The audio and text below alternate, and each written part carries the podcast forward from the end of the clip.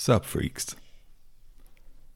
Dagens hjälte är en extremt ödmjuk och skarpsint filmproducent, entreprenör, visionär, idrottare och min vän. Vi växte upp i samma stad men medan jag, som så många andra, snubblade in i min karriär inom industrin vågade han istället drömma och satsa allt på en nästan omöjlig vision. Den satsningen blev så småningom det som idag är Affekt Film. Och fem långfilmer och ett antal kortfilmer och små filmprojekt senare så har det lilla filmbolaget från Trollhättan blivit nära på ett hushållsnamn inom svensk filmindustri. Och just idag, på Lucia-dagen när jag spelar in detta, så har deras senaste långfilm, Sockerexperimentet, precis blivit nominerad till en Guldbagge för bästa kostymdesign. För mig så är Johan en solklar hjälte som aldrig lät sin dröm dö utan följde det med en lika del imponerande som idiotisk envishet och resultatet talar för sig självt. Hoppas ni gillar att lyssna på detta lika mycket som vi gillade att prata med varandra. Och med det, mina damer och herrar, Johan Fogelström.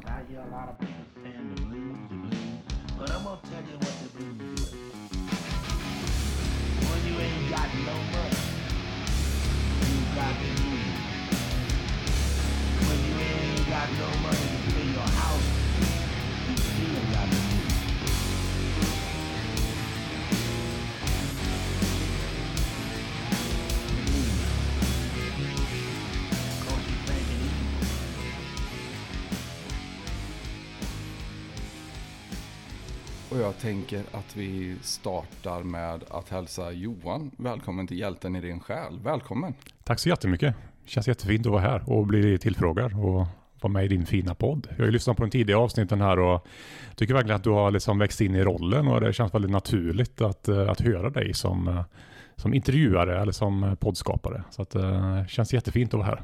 Tack så hemskt mycket. Det är mm. jättefina ord verkligen och värmer. Mm. Big time.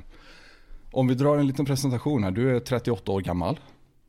Ja, det stämmer. Ja. Jag identifierar dig som entreprenör, producent, filmskapare, idrottare också. Det kanske du inte håller med om. Nej, vi pratade om det lite innan här att uh, idrottare vet jag inte. Um, jag gjorde den svenska klassiken och det är det du tror jag tänker på. Men annars så kan jag, när jag, när jag pratar med dig eh, som sportar mycket och tränar mycket så kan jag inte kalla mig för idrottare ändå. ja, men det tycker jag ändå. Det krävs ja. ett visst pannben och det krävs verkligen en idrottares mentalitet för att ta sig igenom det som du utsatte dig för frivilligt. Så att jag håller faktiskt inte med, men eh, vi kan fortsätta bråka om det sen. för att eh, sist men inte minst i presentationen så måste jag också nämna att du är en helt fantastisk vän. Och det är jätteroligt att ha dig här på de premisserna. Ja, men tack så jättemycket. Jag kan bara hålla med. Det känns jättefint att vara här. Det blir ju tyvärr inte så ofta att vi ses. Så att, uh, det kanske blir om tre år igen när vi spelar in nästa podd där. Så, så att vi får en, uh, ett tillfälle att ses helt enkelt. jo, men jag tänkte ja. just sagt det. Det här är ju faktiskt en jättebra ursäkt att träffas. Så. Men jag tänker vi dundrar igång direkt helt enkelt. Vad är det som är så jävla bra med Hitchcock? uh, ja, det är intressant. Uh, Ja, när jag var tonåring, då hade jag ju gjort eh, film med en kompis som, eh, alltså några år tidigare, massa, bara testat mig fram massor och sånt där. Och, eh, jag minns jag gjorde någon sån här film eh, eh tillsammans med Tommy Robertsson för övrigt, en shoutout ja, till honom. Roligt. Ja, vi gjorde Tommy. massa så här kortfilmer, det var någon film om om någon inbrottstjuv som bröt sig in och snodde en katt, så minns jag. Den, den sitter kvar i, i hjärnan på mig, i huvudet på mig. Men Hitchcock kom väl in i en fas där jag började kolla mer på film. Och jag började utforska olika, lite äldre filmer och också internationella filmer också. Det traditionella är ju att kolla på mycket Hollywoodfilm och sådär. Men jag började kolla på lite annat. Och jag vet inte vad det var som gjorde att jag kom in på just Hitchcock. Men när jag började så blev jag så uppslukad. Uh, och i efterhand tror jag att det handlar om att han är så otroligt skicklig på att skapa suspens av så lite. Att, det där kan jag sympatisera hårt med. För ja. att om vi pratar tv-spel till exempel så är ju Silent Hill mm. lite av mina favorit, eller lite av min favoritserie när det gäller skräckspel framför allt. Ja. Och det är just det att de kan skapa en sån känsla som du tvingas vara i så länge. Ja. Är det det som är grejen med Hitchcock eller? Är det... Ja men jag skulle säga han är mästerlig på dialog. Alltså bara, bara en sån här sak som Främlingar på tåg. Jag vet inte om du har sett den men... Är, det, är den på... Um, Är Transsibiriska järnvägen eller är det... Uh, det minns jag inte vart den är, men... Den... Jag kan ha helt fel också, det är fan nästan så vi får googla det, men prata på det så länge ja, så. men det är så fascinerande att två främlingar möts på tåg. Uh, de båda har någon som de verkligen hatar. Och uh, den ena personen föreslår då att de ska byta mord med varandra. Och den andra är då är lite eh, motståndskraftig i det. Eh, så, ja, så handlar filmen om den här dialogen som de för. Om, Shit, eh, som gäller om de ska byta mord med varandra. Om de ska, om de ska mörda varandras fiende. Ah, okay. Alltså det, det är en sån briljant twist och det, det skulle aldrig funka om dialogen inte skulle hålla. Man, eh, han är, man är mästerlig på det verkligen. Och det finns ju flera. Fönstret åt gården utspelar sig bara i en lägenhet. En person som börjar misstänka att det har skett ett mord på gården. Han kollar ut genom fönstret, ser massa olika personer, drar massa slutsatser om här, vem som ligger bakom mordet och inte, eller om det har begåtts ett mord eller inte. Eh, eller slå nollan till polisen eller lite liknande. Utspelar sig i en lägenhet också. En thrilleraktig film om eh, eh, med mord, mordhistoria som alla andra då såklart. Men eh, ja, så nästan säga att hälften av hans filmer är, är gjorda på det sättet. Eh, Eh, det känns ju nästan lite Dostojevskij-aktigt i beskrivningen när du pratar om det i alla fall. Ja, precis. Men det är också så här jobba med det man har också. Så här. Att det, är så här, det behöver inte vara så svulstigt och komplicerat alltid heller. Om man tänker på eh, Lars von Trier när han började göra film, att han började med att så här, han kollade på vad han hade i, liksom, runt omkring sig. Ja, han hade någon industrilokal, han hade en skådespelare, han hade någon bil. Och sen skrev han ett manus baserat på det.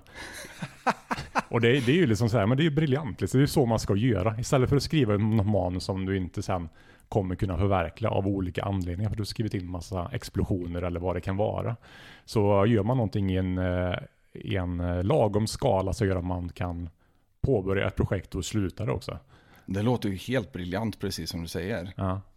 Ja, jag förstår tjusningen med det lite. Alltså, och jag ehm, är ju själv ett fan av de gamla skräckregissörerna från Italien. Mm. Lucio Fulci och Dario Argento. De här, de gjorde ju verkligen vad de kunde med inga medel alls. Man tvingar någon att äta fårtarmar för att det ska se ut som att de spyr upp sina inälvor liksom. Och hur ska vi spela in en scen med ja, men, fem kubik likmaskar? Ja, men vi får bara börja odla fem kubik likmaskar helt enkelt. ja, men jag har ju sett min dos av de filmerna också. Jag har aldrig riktigt varit ett fan av splatter eller på den sättet. Men Dawn of the Dead kommer jag ihåg. Det är väl uh, Argento? Eller? Nej. Jag vill tro att det är Argento från början, ja precis. Ja, precis. För det är 60-talsvarianten ja, vi pratar om precis. där. Ja. ja. Och det är ju en film som sitter dead, kvar. Heter den Day of the Dead? Ja. Måste jag nästan kolla upp. Men, ja. men den sitter kvar alltså? Ja, men det tycker jag. Uh, av all film man ser egentligen. Det är ju, de flesta filmerna glömmer man ju bort efter någon vecka. Men det finns de som ändå har gjort ett avtryck och det tycker jag den har gjort. Det är många som sitter kvar på en. Alltså jag har haft den här diskussionen ganska många gånger det sista. För att jag växte ju upp eh, halvfinskt. Och i Finland, är man inte så, i Finland är man inte så känslig med saker utan eh, jag kollade på ganska avancerade filmer i tidig ålder. Och många av de här filmerna har ju verkligen satt spår på mig för man, man var väl någonstans i en påverkningsbar ålder och så sitter man och kollar på Robocop när någons uh, fingrar smälter av dem. Liksom. Och sådana här grejer. Så det är klart att det finns många intryck kring uh, filmer tidigt men är det några sådana du bär på också. Jag måste, måste, måste, bara fråga, min bild av finsk film är ju Aki Kaurismäki. Det är det enda jag vet om uh, finsk film. Oj, nu får jag skämmas lite. du vet inte vad det är? Nej, nu Nej. får du ut, utveckla lite. Ja, men uh, jag är inget fan av honom heller, men det är väl, det, det, är väl, det är väl han som är finsk film, tänker jag. Uh, det är mycket möjligt. Uh. Har vi en stavning på honom så kan vi ju kolla upp det lite ifall det är några filmer jag har sett i alla fall. Uh, Aki Kaurismäki, det är nog som det låter. Uh, Han har väl varit Oscars detta. nominerad eller tror jag och sånt där för filmer. Ah, se där. Uh, men, men, du menar alltså att det finns en annan typ av finsk film? Nej, alltså... som, som inte är liksom realism utan som är något helt annat? Ja men det brukar vara lite den här finska galghumorn brukar ju verkligen vara representerad i mm. all finsk film tycker jag. Det finns en underbar filmserie som heter Vares om en uh, ultrakorrumperad polis. Mm. Eller om han är privatutredare eller vad han är. Och det är, det är ett återkommande tema. Det enda som är riktigt roligt är när folk dör på dumma sätt. Ja. liksom. Så att eh, det är väl lite det man eh, kollar på när det gäller finsk film. Annars har de många krigsproduktioner givetvis i och med att mm. vinterkriget eh, fortfarande lever färskt i minne på många. Och vet inte om du har sett det sista på Netflix, den Okänd soldat, den nya remaken. Nej, jag har sett den, att den finns, men jag har inte, jag har inte tagit mig tid att se den än, så det, det ska jag göra. Kan kraftigt men, rekommendera. Ja. Och där är det ju verkligen en hyllning till det finska sinnet, kan man ju nästan säga. Mm. Den här eh, hårdförheten som eh, väldigt många pratar om med finnar, att de är fåordiga och eh, bra på att lida helt enkelt. Och det är därför de är bra i krig också. Just det. Ja. Är det dina finska gener som har tagit dig in i alltså, kampsporten? Eller? Alltså, har du med dig någonting tillbaka i tiden som har lett dig in på den banan eller? Jag undrar det ibland också faktiskt. För att det känns lite som att jag föddes med någonting som var tvunget att ta uttryck genom men, våldsutövande nästan. Mm. Och det satte ju mig i ganska många eh, dumma situationer när jag var yngre också. Att man har eh, ja, men skapat en del oreda helt enkelt. Men jag tror till och med jag har skadat en och annan människa. Nu har jag liksom bett om ursäkt för det efteråt och mm. Eh, allting är utrett. Men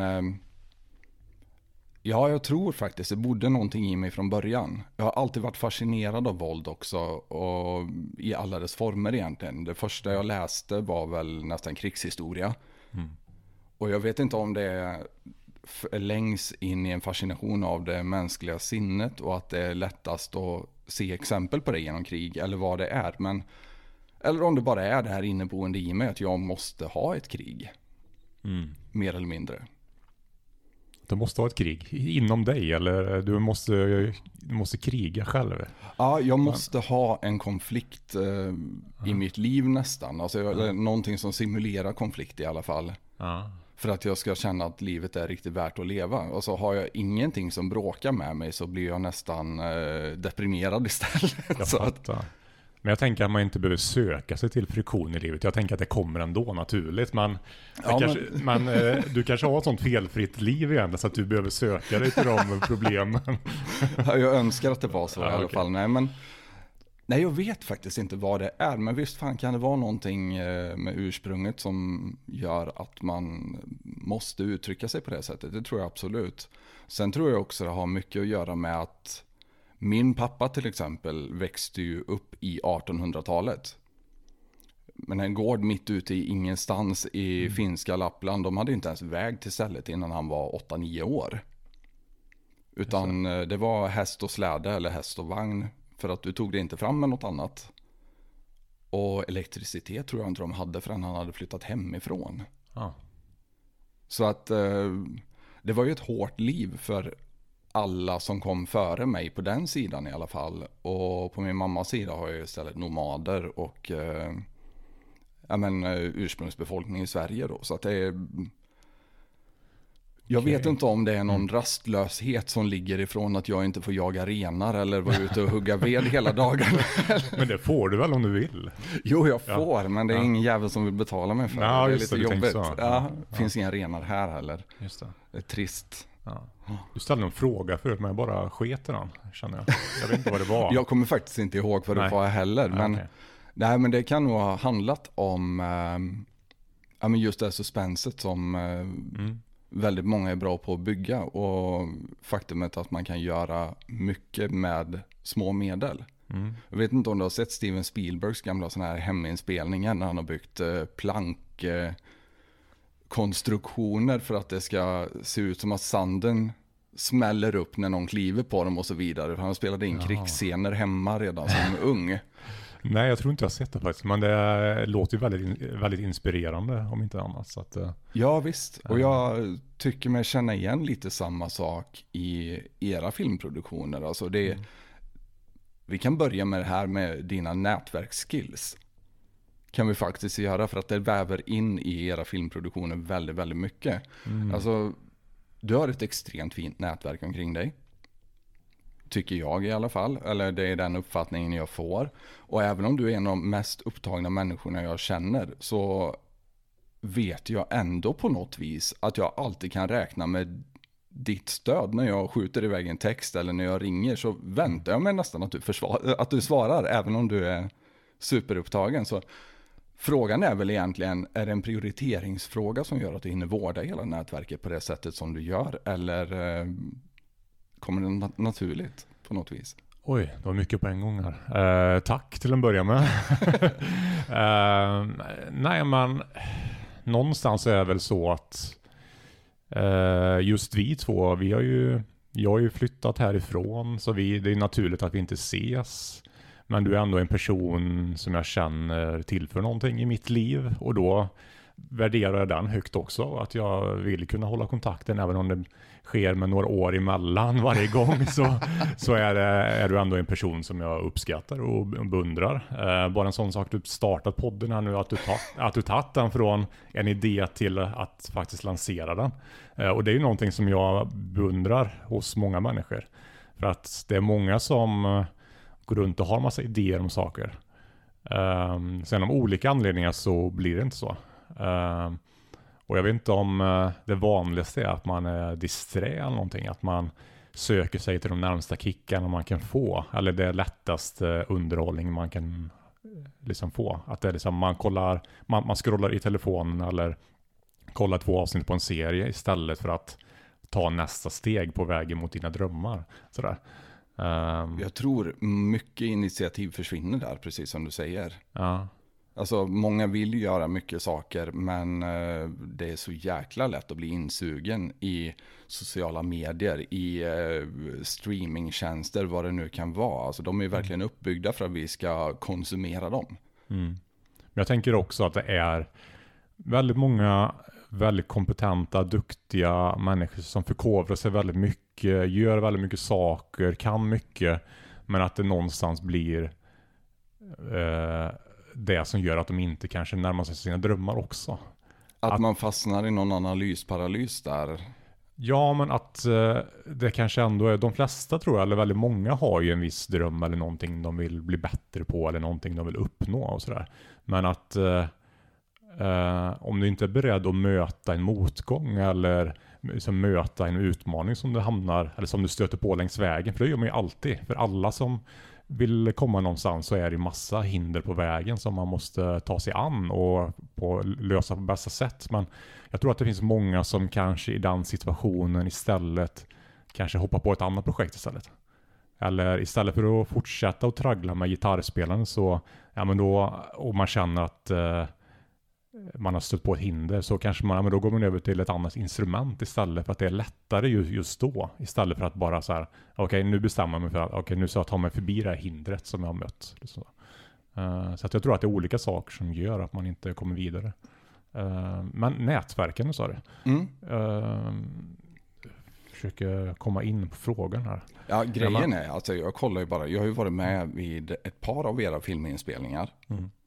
Och när man kollar omkring så går alla och pratar med dig och John. Det är lite ja. så, alla går och pratar med dig och John och man får intrycket av att ni känner precis alla som är på plats. Jo, men så är det ju. Det är vi som startar projektet och det är vi som har uh, sett till så att alla är, är där. Liksom så. Uh, det kan ju säga vara... någonting om också att när vi började göra film ihop, jag och John, det var ju 2011, så det är ju ganska länge sedan nu. Um, då gjorde vi en film som heter Estrid. Och det var innan vi startade företag ihop. Då började vi med någon, en metod hur vi liksom rekryterade folk. Och det handlar inte om att alla vi rekryterade skulle kunna exakt allting det som väntades i en roll som ljudtekniker eller scenograf och så vidare. Utan vi kollade istället på att vi vill ha låga trösklar. Vi sa att alla som vill vara med får vara med. Och sen försökte vi hitta, ja men sen försökte hitta roller som passar dem. Och det, i slutändan kanske det blev tre personer som uppfyllde eh, det som krävs av en scenograf. Eh, och på det sättet kunde de vara med, de kunde bidra, de kunde lägga tid och kunde växa i det genom att träffa likasinnade eller andra som har helt andra kunskaper. Uh, och det tycker jag är väldigt fint och det är någonting vi har, vi har liksom byggt vidare på också. Och det är det som gör att vi också kan Ja, men det är som ofta som vi kan starta nya samarbeten också, även om inte alla kanske har exakt det som krävs så kan de slå sig samman med någon annan och sen blir det bra i slutändan ändå på något sätt. Och de växer också i rollen av att få mycket ansvar. Så, um, så att det tycker jag är intressant faktiskt. Det tycker jag också. Och min take på det hela är ju att ni har tagit det här med crowdsourcing nästan till en konstform på affektfilm. För att eh, det gäller inte bara hur ni hittar sponsorer till projekten, utan jag menar också hur ni hittar människor som kan hjälpa till. Alltså ni, ni går in i era kontaktböcker och sen börjar ni mässa folk och helt plötsligt så har ni en filmproduktion igång.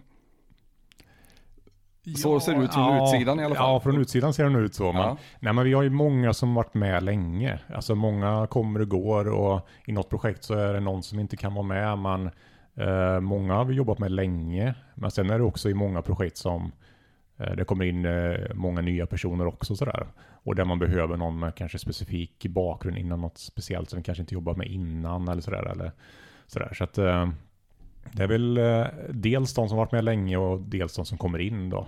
Eh, som senast så jobbar vi med en film som heter Sockerexperimentet. Ja. Uh, och där jobbar vi med, uh, tillsammans med personer med funktionsnedsättning. Uh, och det är ju inte ett nätverk vi kanske jobbat med så mycket innan, men ett kontaktnät som vi fick skapa där och då på något sätt. och det är väldigt stolt över att vi både framför och bakom kameran kunde skapa en långfilm där de kunde delta både som statister, skådespelare och i olika roller i teamet också. Och det är ett arbetssätt som jag inte har hört talas om någon, något projekt faktiskt i hela, alltså i, absolut inte i Sverige i alla fall. Och jag, jag känner inte till något annat projekt heller som jobbar på det sättet. Och ändå gjort en film som har uh, gått upp på bio. Så att, uh, men, men det var ju inget nätverk som vi hade där och då, utan det var ju någonting som vi skapade. Så genom samarbetspartners vi hade så nådde vi ut till olika nätverk. Så. Um, jag tror inte att det finns något så här, eh, så här gör vi i det här projektet. Utan vi, vi har väl vårt nätverk med vissa uh, personer som vi gärna samarbetar med igen. Och i vissa fall så plockar vi in nya. Så. Jag tycker det är skithäftigt i alla fall. Kan det vara så till och med att vissa av de här som har varit med en längre tid är människor som ni har lärt upp i tidigare projekt? Alltså jag skulle säga att uh, vi har växt tillsammans i så fall. För att det är när vi började göra film 2011, det Estrid-projektet och sådär, att vi visste ju inte hur man producerar film heller. Det var ju så här, okej, okay, nu ska vi producera någonting. vi ville liksom ta oss utanför den här bubblan, eh, den här studentfilmsgrejen. Nu spelar vi in en kortfilm i någon kompis lägenhet, utan nu vill vi göra någonting på riktigt. Så här. Eh, och då skulle vi göra en kortfilm i 20-talsmiljö om en kvinnlig entreprenör som heter Estrid Eriksson. Startade Svensk Tenn. Och det var ju ett manus som krävde Alltså herrgårdar och bilar och ångbåt hade du skrivit in och liksom grejer. Det var ju inte, det var något helt annat liksom så. Så vi testade ju verkligen oss själva vad vi gick för på något sätt. Och, Direkt också? Ja. men vi kände väl att ja, men nu är det dags att göra någonting på riktigt här. Så. Sen, eh, jag är stolt över den filmen idag. Att vi gjorde den och med de eh, svaga resurserna vi hade egentligen. Att vi gjorde så mycket av så lite. Um, sen kanske inte allting håller ute i fingertoppsspetsen idag, men jag är väldigt stolt över att vi gjorde det och att vi visade det också. För det, det kan jag uppleva med, med många också att uh, som börjar med någonting kreativt, att man, man har en sån bild av sig själv att nu ska jag skapa någonting som är ett sånt mästerverk, det ska vara så perfekt på alla sätt och blir det inte det så tänker jag inte heller visa det för någon. Jag förstår. Um, och det, de möter man i filmbranschen. Nu har vi varit nere i Cannes och träffat uh, alltså producenter som ändå gjort mycket saker. Uh, de säger så här, eh, vi, vi träffade en kille som sa att men han hade gjort tre långfilmer sa han. Men han hade aldrig visat den för någon. För att han ville inte han ville inte, eller han hade inte gjort den filmen som han kände skulle vara hans debutfilm. Den är tuff alltså. Ja, den är tuff. Så han har liksom lagt kanske tio års tid på att göra massa saker. Men inte haft eh, balls nog att, att visa det för någon. Det värsta är att jag kan sympatisera med det där ganska hårt. Och är, mm. Vi har ju haft lite diskussioner bakom kulisserna angående längd på podcastavsnitt och sådana här grejer. Och vad, om man borde klippa i det eller inte. Och jag har ju förklarat lite att en av anledningarna till att jag klipper så lite som möjligt i de här är ju att jag är rädd att jag blir för självmedveten och inte släpper annars. Du tänker så ja. Ja, faktiskt. Ja. Alltså jag är, jag är perfektionist i mm, själen och eh, jag har nog svårt, börjar jag analysera det för mycket så tror jag att jag kan fastna i det lite. Det, det kan jag väl förstå, liksom, absolut. Och jag tror att det är många som går den vägen också, att man fastnar i den här paralysen som uppstår när man analyserar sönder saker. Mm. För jag kan ju analysera, mina, analysera sönder mina egna överanalyser, liksom. jag är på den nivån. Mm. Och det är inte ett jättebra recept för att få någonting gjort. Ja, men jag tror att det är ganska vanligt att man fastnar i det. Att så här, okej okay, nu ska vi editera här, nu ska vi göra om, okej okay, vi ska filma lite extra här. Det här blir inte bra, vi måste göra om. Uh, är vi, eller det kanske kan bli ett annat format på det och sen håller man på och tänker bort och framåt till slut. Har det gått fem år och sen du har ändå inte släppt det men alla i din omgivning har hört talas om det projektet du håller på med så man, de har aldrig fått se någonting av det. Ja, precis. Um, så att någonstans var det någonting som vi gjorde tidigt också. Att vi gjorde ju massa skit liksom när vi startade företag och sådär. alltså som var verkligen så här. Vi tyckte inte ens då att det var liksom så här hundraprocentigt eller att det var kanske så här på den nivån som vi hade ambition om. Men det var ändå så här, okej, okay, nu gör vi det, vi, vi är klart det, vi visar det, går vidare, drar lärdom av det vi gjort. Liksom så. Och det är ju skitläskigt. Liksom. Är ni, är ni motor i det fallet båda två, du och John? Eller är det någon som bromsar och någon som eh, pushar? Eller hur kompletterar ni varandra på det sättet? Det kanske har förändrats med tiden också.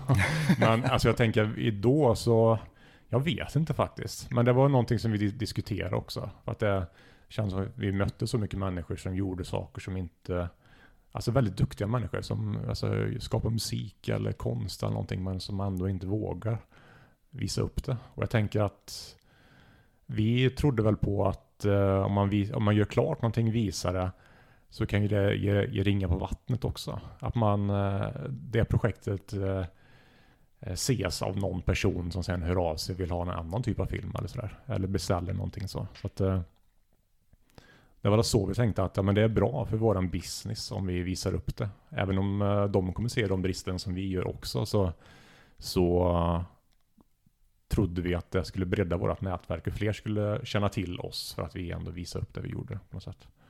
Nu kommer väl lyssnarna att eh, slita öronen av sig eller någonting för att jag är på väg att dra en kampsportsparallell igen. Okay, ja. Men man har ju många på kampsportsgymmen. Jag tror alla coacher och alla tränande känner igen exemplet på alltså människor som är fantastiska i träningsrummet som är helt oslagbara men som av någon anledning inte vill testa sig och gå match. Alltså det brukar ofta vara nerver, det brukar vara man är rädd för att göra bort sig, rädd för att skada sig offentligt och man håller inte för alla ögon på sig och så vidare. Tror du att det kan vara lite det som eh, händer med musiker eller kreativa människor också som inte vågar släppa sina alster? Men det är ju läskigt alltså. Eh, det vet, alltså jag minns ju då när vi började göra filmer, vi gjorde massa beställningsfilmer och vi sköt ju på allt, liksom allt vi kunde komma åt. Liksom. Varje chans vi fick att göra någonting eh, sköt vi på och gjorde. Och, sådär. och det var ju lika läskigt varje gång man släppte någonting. Så att jag, jag förstår ju den mekanismen bakom varför man inte släpper saker. Um, så att uh, jag, jag, jag har sympatier med det. Men jag skulle ändå uppmana folk att våga släppa saker. Uh, det, det, är inte så farligt. Uh, har du haft svårigheter med det själv? Måste jag fråga. För att jag ser ju dig som någon som har ganska höga krav på dig själv i alla fall. Och har, du, har du upplevt att någonting inte är perfekt och att det liksom skär lite i nerverna när du ser det på screeningen sen? Eller vad, har du haft den erfarenheten själv över frågan egentligen? Ja men varje projekt är väl så.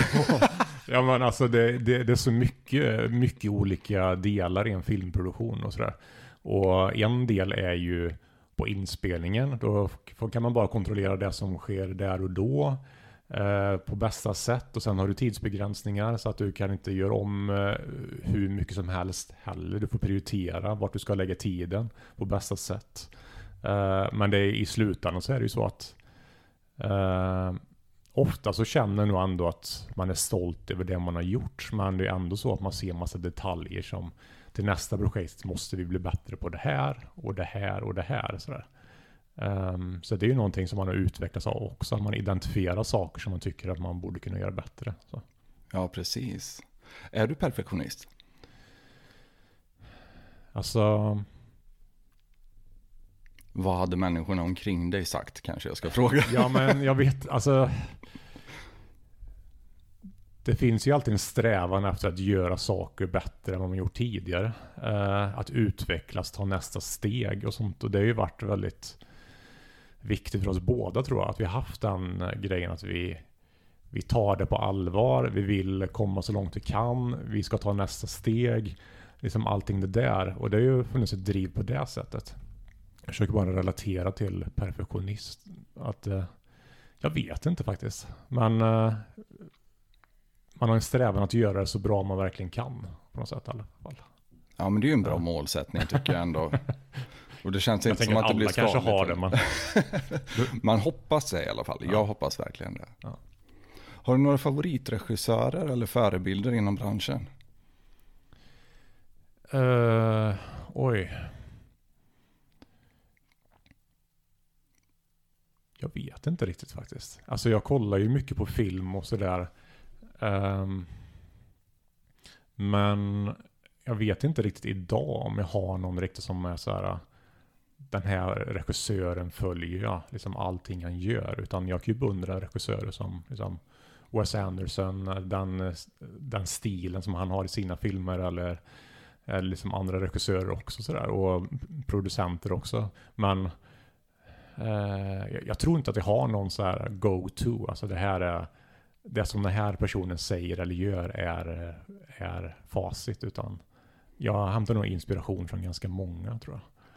Man kan ju ha lite olika också där. Jag tänker på musiker till exempel. Folk frågar ofta mig som musiknörd vilka mina favoriter är.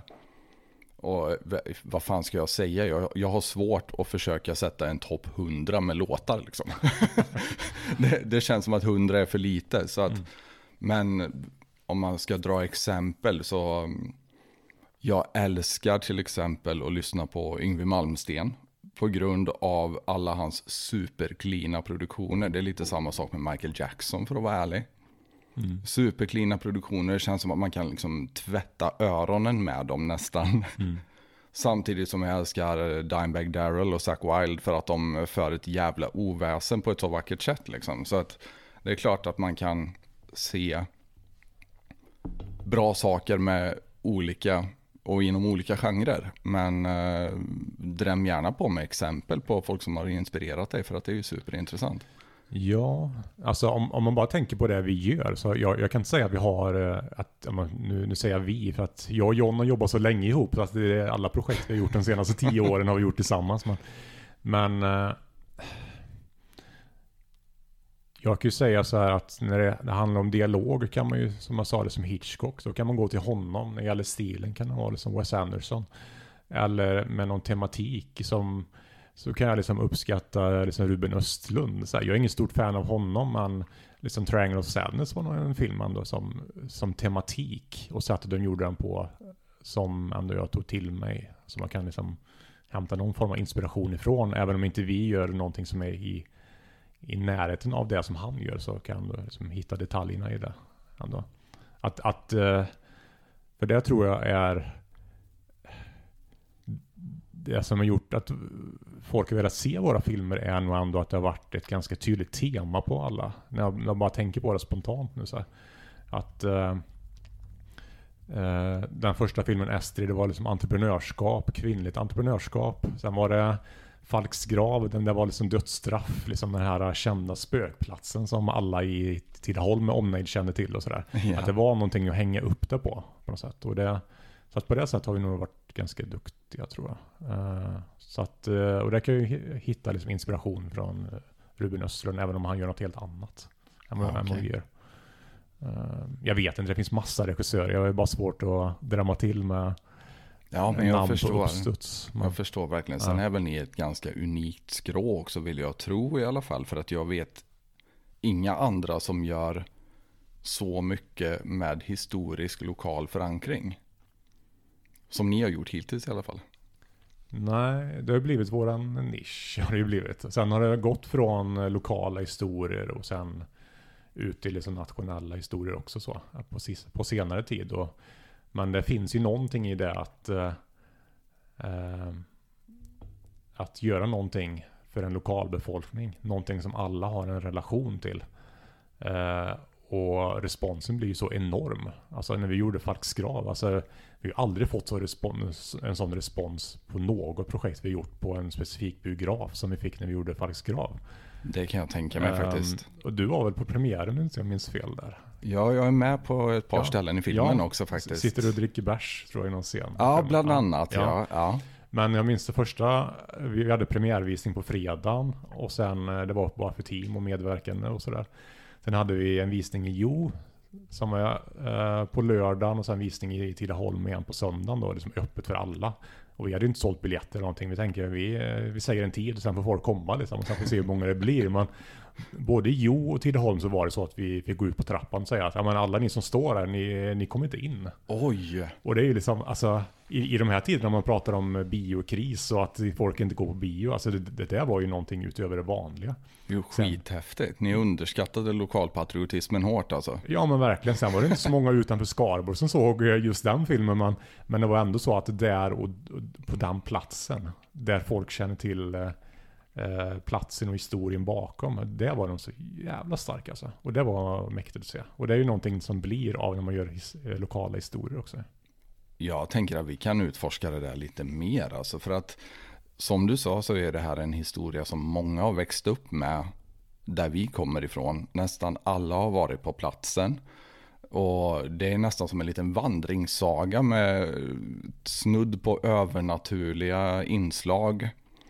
Och det här med att blommor alltid hamnar på graven och så vidare. Så, men hur svårt, eller var kommer idén ifrån att gräva i det här? Uh, alltså jag är uppväxt med historien och John som jag gör film med, han är från Jo och han är också, upp, han är också uppväxt med den historien. Så att på något sätt så hade vi båda med oss sen från vår uppväxt. Uh, och det blev väl lite så här att vi började med att göra en film om Estrid, det var på Johns hemmaplan och sen blev det Falksgrav, det blev på min hemmaplan. Och det föll sig det. naturligt så. Sen, sen är det ju lite så här töntigt på något sätt med myter. Eller de, de historierna som går, att det är så här... Um, att det kan bli sån mystik kring någonting. Kring bara historier som folk berättar. Och det är ju, vi upplevde ju ändå så att det finns en styrka i det där också. Men också en fascination över vad lite folk faktiskt visste om det som hände. Det som ledde fram till att det blev en, eh, en av Sveriges kändaste spökplatser. Ja, eh. precis. Vi kanske ska förtydliga också att det här är en gammal avrättningsplats vi pratar om.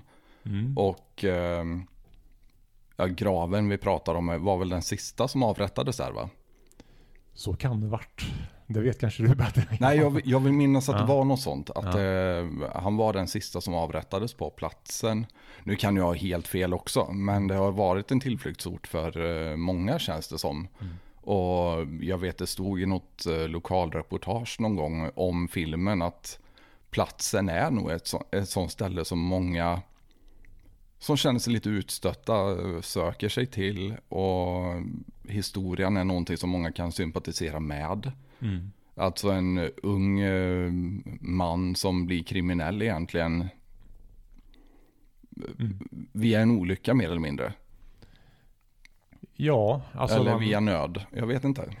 Ja, alltså jag tänker att det finns mycket i, det går att dra kopplingar till idag också med den historien. Alltså människor som lever på gränsen till vad att man har så man klarar sig. Och som så här, um, att folk är kreativa i den situationen. Och sen om det gör att man tar sig utanför lagens gränser så, så kanske det är där och då i den situationen man är. Eh, när man har tankar om hur man ska överleva dagen eller bara ta sig till ett litet steg framåt. Så kanske det tar folk utanför lagens gränser och det var ju så det var ju det som hände med honom också ju. Absolut. Att han bestämde sig för att råna den här postdiligensen då. Som ledde till att han blev avrättad senare. Ja, en fascinerande historia och um, det övernaturliga inslaget vi pratar om där med att det alltid ligger färska blommor på graven. Ja. Vem är det som lägger dit dem? Uh, det är nu jag ska komma med facit där, svaret. det som alla har väntat på. Nu ja, precis. Det. precis. Um, nej, men jag tror nog att det är ganska många personer som ligger bakom det här. Som uh, ovetandes om varandra kanske hjälper till och håller historien vid liv, tror jag. Kan det finnas ett motiv där att hedra någon som egentligen tog straffet för någon annan? Uh, jag vet inte. Jag har inte hört den teorin innan faktiskt. Men vad, vad tänker du då? Vem, uh, vem tog uh, straffet för någon annan? Nej, jag menar att det kanske inte var Falk som slog ihjäl eh, mm. postiljonföraren där, eller vad man nu kallar honom. Mm. Utan att han tog på sig straffet för att han var barnlös och ung. Ja, men vi hintar väl lite grann om det i filmen också. där man... Jag vet inte faktiskt. Eh, det kan man ju spekulera om eh, hej vilt. Men någonstans så är, så är det ju ett turistmål. Det finns en eh, attraktion för människor över hela landet att ta sig dit. Jag minns ju när vi spelade in filmen så kom ju Eh, P3, Radio P3 kom ju att intervjuade oss som någon så här eh, som en grej att de hade hört att vi gjorde filmen och då tog de sig dit för att liksom intervjua oss för att de tyckte att det var fascinerande att vi lyfte historien. Så, så att det finns ju någonting, en fascination om den här platsen som ofta kvällspressen lyfter också, någon sån här mystik och eh, så det finns ju ett intresse för många att det hålls vid liv och så att folk ska fortsätta se fascinationen och ta sig till platsen. Absolut. Ja. Hur svårt är det egentligen att utöva journalistik då nästan 160 år efter faktumet. Ja, men alltså med den filmen med Falks grav så gick vi ju alltså bara på fakta i princip. Och det är ju extremt säll sällsynt. Även alltså om man kollar på dokumentärer idag. Det är ju mycket skrivet i dem också. Så här. Och det är ju inte många som är medvetna om det kanske. Men Alltså att många dokumentärer utgår från en verklighet men sen kanske skrivs ut lite grann för att ändå det ska formas en historia av det. Det finns men, lite konstnärlig frihet som folk tar sig och ofta är det för att få fler tittare helt enkelt. Ja, man, man hittar, man ser en historia i någonting men det hänger inte riktigt ihop för att bli den filmen och, som berör eller engagerar på det sättet man vill och då eh, tar man sig konstnärlig frihet och skriver om eller sådär. Eller kanske tänker att det var kanske så här istället eller sådär. Men, men med den filmen så var det verkligen så att vi gick till botten i arkiven och kollade hur var det, vad, vad stod det i kyrkböckerna och sådär eh, kring de här personerna. Och sen berättar vi historien bakom platsen. Alltså vi berör ju inte alls de här myterna kring, kring platsen utan bara berätta om de här eh, vännerna som möts, om man säger, och begår det här brottet och vad som låg bakom och liksom ledde fram till det, om man säger. Så att eh, det är väldigt udda projekt på det sättet, att man håller fast vid faktan på det sättet. Det Men det var alltså sällan. kyrkoarkiven som var den största primärkällan då, antar jag? Ja, jag minns att vi var i eh, Riksarkiven och grävde också och hittade massa protokoll och så. Det är rättegångsprotokoll och sådär. Ehm, så att eh, allting där som, vi, som dramatiseras i den är ju på riktigt. Det är ju sånt som vi har fått fram fakta på. Då. Sen är det ju såklart att dialogen skrivs ut såklart. Eh, sådär. Ehm, men eh, den är väldigt sanningsenlig om man säga då. Ja men det är ju jättehäftigt och det är sjukt coolt att ni ändå hade den målsättningen att hålla er till historiska fakta. Det är inte många som tänker så idag tycker jag. Nej, Nej men så är det väl i en tid med det är lätt att dra sig iväg i, eh, vi kanske inte ska börja i de diskussionerna, men, men äh, äh, folk tror på mycket idag äh, på något sätt. Och jag, jag gillar en, ett budskap som en kompis med mig har tagit in tatuerat. Och det är, tro inte på allt du tänker. Den är intressant och jag tror faktiskt att vi tog upp det budskapet Aha. med Daniel Johansson också. För jag okay. tror det kommer från Buddha från början va? Ja, det kanske, jag tänkte ju, fundera just på vart det kommer ifrån. Uh, men jag, det är någonting som, som uh, ja, det känns så jävla klockrent idag med alla filterbubblor som alla har. Och, uh, folk snör in på väldigt mycket saker utan att kanske, ja, för att alla i sin omgivning tycker liknande saker. Så, så att jag, jag tror på den. Uh, att man ska se kritiskt på sina egna tankar. Jag håller med, även om det är väldigt svårt att göra ska vi säga också. ja, men eh, självklart. Det kräver ju en hel del introspektion och det, mm. det är inte lätt att ifrågasätta vad man tror på. Nej, men så är det ju. Men Samtidigt är det ju så man gör vetenskap också. mm. Så att eh, jag brukar faktiskt rekommendera att man försöker ha en vetenskaplig metod bakom sina slutsatser. Och det... Ja men det kanske faller in där lite också. Man ska inte tro på allting man tänker utan undersök lite. precis. Om alla bara hade ett litet öppet sinne. Och att inte alla står i läger att försvara sin ståndpunkt ut i, till varje pris. Utan att man kan vara, vara öppen för att man kan ha fel också. Den är stor Eh, idag och framförallt ja. när vi rör oss mellan eh, alltså extremer hela tiden. Vi pratar ofta om polarisering i samhället och de flesta vill ju bara se allting som svart eller vitt. För det, jag antar att det är den enklaste vägen att se saker också. Medan jag kanske tycker att gråskalan borde väl ändå vara 98% av skalan. Mm. Och det svarta och vita är de här 1% ute på kanterna. Men så är det inte. Fo- Folk är väldigt övertygade om, ja, nu, det känns som att jag generaliserar ganska mycket. Känner. Så att jag får, du får säga till mig om jag generaliserar för mycket. Nej men det är Men- lugnt, alltså, ja. jag utgår ifrån mina fördomsprofiler också. Så Precis. att, kör bara. Men eh, jag kan köra på mina fördomar om finnar, liksom hela podden. Men, eh, Inga problem. nej.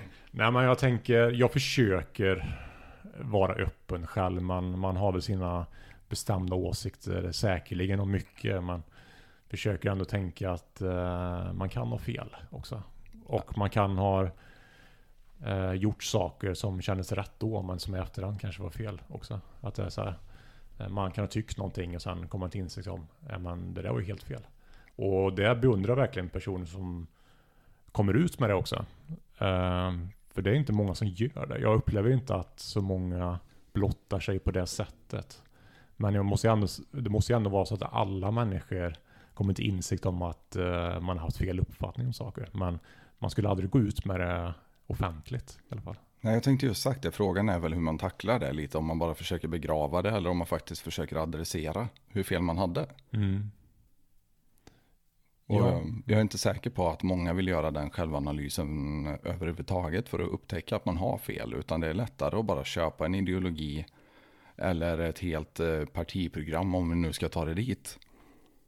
Och sen utgå ifrån det som sanning.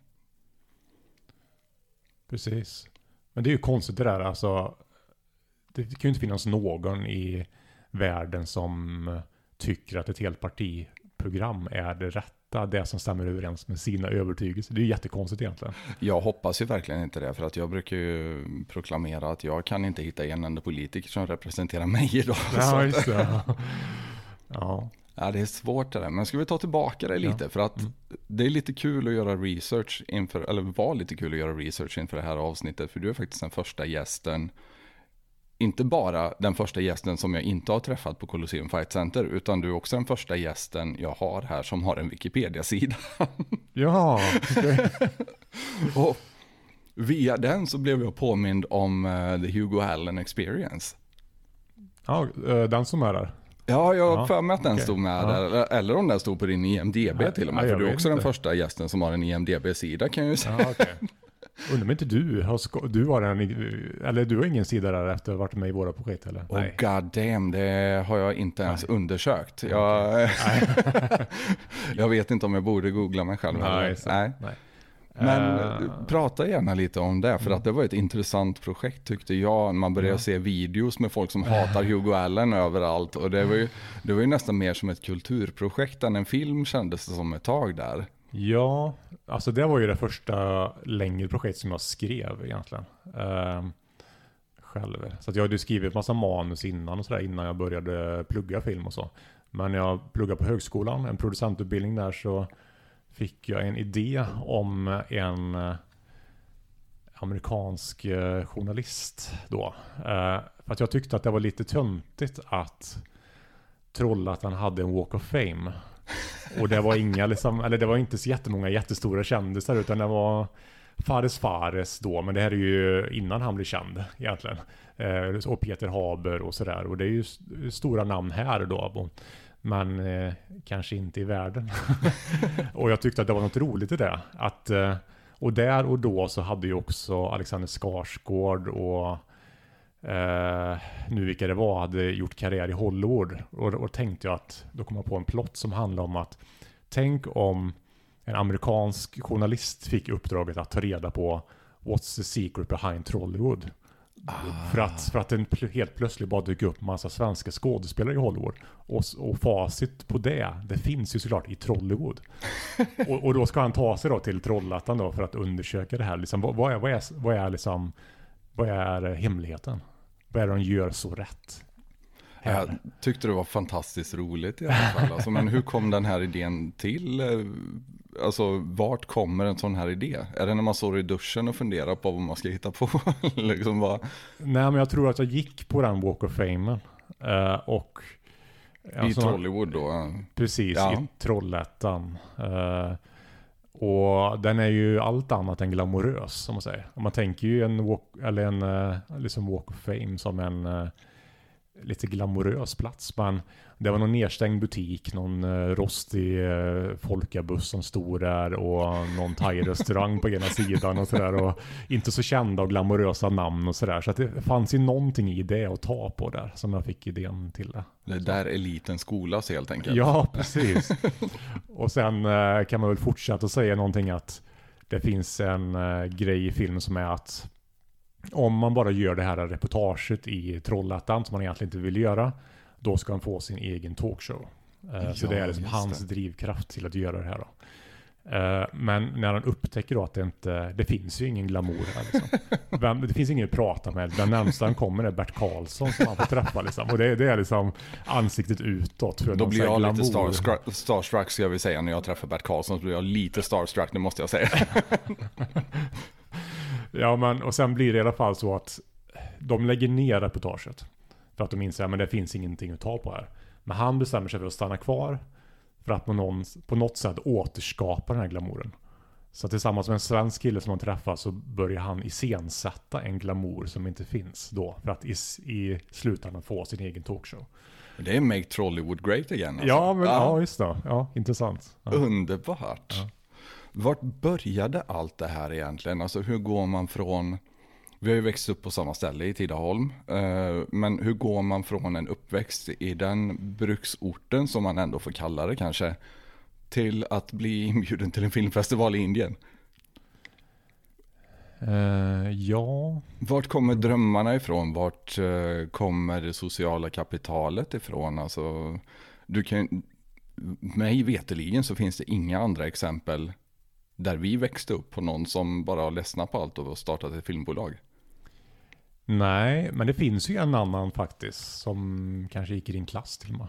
Ah, okej. Okay. Oskar Wallroth. Ja, just Han jävlar. har gjort uh, riktig kometkarriär. Vi gick ju någon filmkurs ihop också på gymnasiet där. Uh, han har gjort, uh, han har jobbat med alltså alla de stora svenska filmerna och även internationella filmer också. Så. Ja. Gör specialeffekter som masker och sånt. så han har det ju verkligen gått bra för. Men eh, i övrigt är det kanske inte så många. Eh, jag, jag, minns att vi återvände till någon 10 års uh, re reunion. och där var det, det var nog jag och en till där av de här sex klasserna från nian som jobbar med någonting kreativt egentligen. Så, så det var inte så vanligt där och då. Um, men jag vet inte alltså. Min pappa har ju alltid varit så här Eh, följ dina drömmar, gör det som du känner att du mår bra av och sådär. Eh, han har varit liksom företagare och liksom eh, följt sina drömmar själv och liksom eh, förverkligat saker och sådär. Så han har ju varit, eh, eller det har liksom funnits i bakhuvudet tror jag hela uppväxten att så man, man ska göra det man vill göra någonstans. Eh, det är ju skithäftigt att få det stödet redan från början. Måste jag säga. Men eh, har det sett likadant ut genom hela familjen eller? Uh, min mamma är ju företagare också. Ehm, uh, men de har ju lite olika ingångar till företagandet. Så att hon är ju uh, hade ju lite otryggare uppväxt och någonstans så hon värderar ju tryggheten väldigt, väldigt mycket. Eh, någonstans. Så att jag har väl fått med mig den biten från henne ändå så här att Um, hon har kanske varit uh, ifrågasatt ibland varför man ska ta massa risker och sådär också. när man ändå skapar sig liv där man får in cash och till, ja, till sin brödföda. Liksom sådär. Jajamän. Um, men jag tror att ändå att det har varit nyttigt att ha den sidan också. Att inte man har båda polerna, eller två likadana poler som bara säger gasa, gasa, gasa. Utan man har någon lite som håller den tillbaka sen.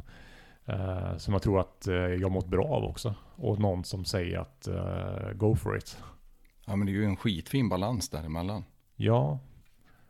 Eh, så att någonting har jag väl med mig därifrån så. Men sen är jag ju ändå som person att så här, det här ska jag klara själv. Så här. Den mentaliteten. Så här. Um, så att det kan ju varit så att jag tagit väldigt mycket risker de här åren. För att jag också vet att uh, jag har ju någonting att falla tillbaka på också om det skulle skita sig. Om jag blir bostadslös, ja men då... Alltså jag, jag kan flytta hem till morsan om det skulle vara så i värsta fall. Det vill jag ju verkligen inte. Man, inte till farsan heller. Men, men det, det, finns ju ändå någonting i det. Att man har den tryggheten i ryggen. Så. Men sen har jag aldrig någonsin bett mina föräldrar om hjälp, inte ens i de tuffaste stunderna. Jag tänkte just sagt det, jag kan inte se dig göra en sån manöver. Nej. Flytta tillbaka hem eller, Nej. eller ens be om hjälp. Eh, det är lite svårt med det där va? Ja. Kan själv är starkt i dig. Det är väl någon sån här äh, självständighetsgrej att uh, man känner att men det är inte andras eh, uppgift att hjälpa mig dit jag ska. Och det är ju inte så sunt egentligen. För att det bästa är ju bara att man är öppen med att nu är jag i den här svackan, jag skulle må bra av det här. Det kanske mer handlar om stöd egentligen. Att bara prata av sig med någon. Det tror jag många skulle må bra av.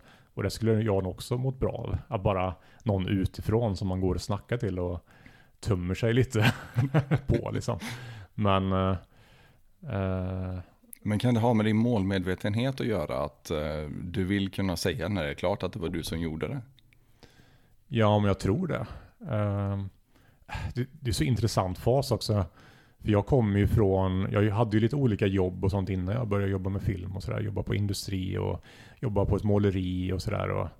Um, men jag hade ju väldigt stark drivkraft att jag ville jobba med film. Och när jag tog tjänstledigt från Gyllensons möbler. Shoutout. ja, äh, då hade jag sån stark drivkraft att ja, men jag, när jag är klar här på de här tre åren på högskolan så ska jag inte, jag ska inte återvända till de här jobben. Jag tyckte det var jättebra jobb. Eh, jag, är stolt över att jag gjorde de jobben och det är ett väldigt bra företag att jobba på. Men jag hade andra tankar om, eh, om livet. Eh, så den drivkraften var väldigt stark. Och det, så att när vi väl hade gått ur programmet efter tre år, då under typ loppet av två veckor så tog det slut med min flickvän som vi har varit ihop i många år. Eh, flickvän från Tidaholm. Eh, jag sa upp mig från mitt industrijobb. Jag sålde min bil, flyttade in i en etta på 25 kvadrat, tog eh, examen, startade företag, jobbade med det första projektet. Och det var alltså allt på en och samma gång. Okej, nu gör vi det här. Det finns inte så här. Eh, det finns ingen, inget alternativ som är att man ska vända tillbaka och fortsätta jobba med det man gjorde innan. Uh, och det gjorde ju också att man var beredd att Eh, ta sig in i skiten också. Alltså det var ju tuffa år. Alltså de fem första åren var ju mycket djupa dalar och någon eh, hög topp ibland och sen ju någon djup dal igen och sådär. Men eh, även i de stunderna Eh, så har det inte funnits på kartan att man ska sluta. Och jag vet inte riktigt vart det kommer ifrån. Men det är naturligt skulle varit att bara sluta efter två år och bara göra något annat. Och jag vet, jag var full av beundran eh, inför din satsning när du gjorde det här. För att vi kände ju varandra redan då. Och du levde ju verkligen din nyföretagardröm. Alltså man eh, äter dåligt, man bor litet, man har ingen bil. och jag vet, jag hade någon diskussion, jag vet inte hur länge ni hade varit igång då. Mm. Men du var så jävla nöjd för att, fan, alltså, vi har till och med kunnat börja ta ut lite lön.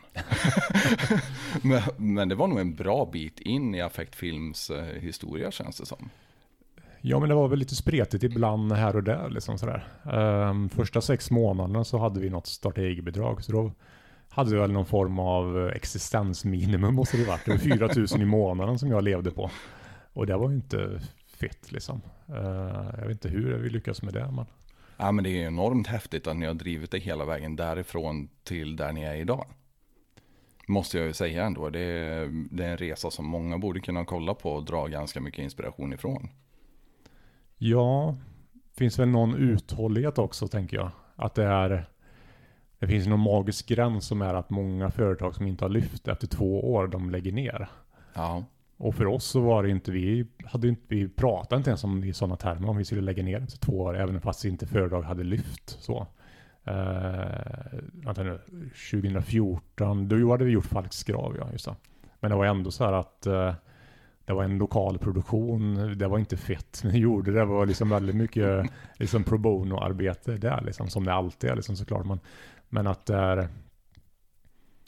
Uh, vart kommer jag ifrån? Alltså, jag tappar bort mig helt där. Jag men, har inte en aning, jag zappade helt... Uh... Ja, du zoomar ut också. ja, okay, men det, det kanske är dags att byta ämne. Nej, nej, nej, det har ju varit tuffa år på det sättet. Men vi har ändå inte övervägt att uh, leta efter något annat alternativ. Utan det har inte funnits i våra hjärnor. Så. Um, det är ju skithäftigt. Och uthålligheten som sagt, det är, det är nog ledordet där tror jag. Ja, jag tror det faktiskt. Är ni lika envisa båda två, du och John? Ja, jag tror vi fann varandra i det. Höga, galna idéer som känns orealistiska. Och nog ändå en väldigt stark strävan efter att skapa sig ett liv där vi kunde producera film. Att inte börja någonstans längst ner i näringskedjan och koka kaffe på någon inspelning utan vi skapar vårt eget och sen eh, vi, vi ska få det att lyfta. Det kanske, det kanske tar tid och vi kommer göra mycket skit på vägen. Det kommer vara tufft länge men eh, eh vi såg alltid något så här eh, framför oss att vi gör bättre och bättre saker. Det kommer bli bra det här. Ja, det är skithäftigt alltså. Jäkligt eh, inspirerande resa som sagt. Men jag tänker vi kan gå tillbaka lite till början där igen. För att Estrid var nog den första filmen jag såg. Som det första alstret ni hade skapat ihop helt enkelt. Som jag såg i alla fall. Ja, precis. Det var det första vi gjorde ihop då. Ja, men jag kan tänka mig att ni gjorde lite småproduktioner innan det och sånt. Men jag har ju varit förskonad från dem höll jag på att säga. Ja, precis. Det är, jag, det är jag glad för. Och sen kom Falks grav, Tjuvjägaren, Trollhättans formare, alla med bruna ögon ställer sig upp på Jönköpingskravallen är det va? Ja, precis. Ja. Det finns ju en historisk förankring i ganska många av de här. Hur, hur tacklar man det ansvaret med den historiska förankringen och se till så att det inte blir fel? Eh, någonstans är det ju så att eh, det kommer inte bli 100% rätt i alla fall. Fel, fel vet jag inte. För att det är ju också att desto längre man går tillbaka i tiden, desto mer konstnärlig frihet får du. För att det finns inte fakta som täcker hela historien. Nej, och sen ska vi ha klart för att historien skrivs av vinnarna också. Ja, ja men det också. Att det så att det är ju redan skriv, historien skriven på sätt som kanske inte är 100% sanningsenlig heller. Så att någonstans så blir det väl att man får tolka och eh, skapa utefter den informationen som finns. Men jag, jag tycker ändå att eh, ehm, det tillför filmerna så mycket att man ändå utgår ifrån så mycket fakta som bara finns. Att man bygger det kring det. Eh, sen måste man ändå säga att det ska bli en film i slutändan som ska underhålla och beröra och säga någonting som folk ska vilja se. Så att det är ändå så att eh, vi tar oss konstnärlig frihet att eh, skapa det alls det vi känner är bäst för Eh, för det vi vill skapa, den visionen vi har någonstans också. Och det är inga lätta ämnen ni har tacklat heller tycker jag. jag menar, nu kan det ju verka enkelt idag att göra en film om en kvinnlig entreprenör till exempel. Men fanns det någon oro någon gång där med filmen kring Estrid att eh, folk inte skulle vara så imponerade av det eller? Eller var det bara en eh. så stark historia som ni kände att ni kunde lyfta den ändå? Alltså jag vet inte. Vi var nog, vi var nog så fulla av våra egna, av våra egna egon där och då att vi inte hade någon tanke på det tror jag. Utan det var nog, vi var uppe bland molnen där då. Kände så här, men allting är möjligt känns det som då. Jag tror inte, vi, vi kände väl båda två att det fanns en bra historia där.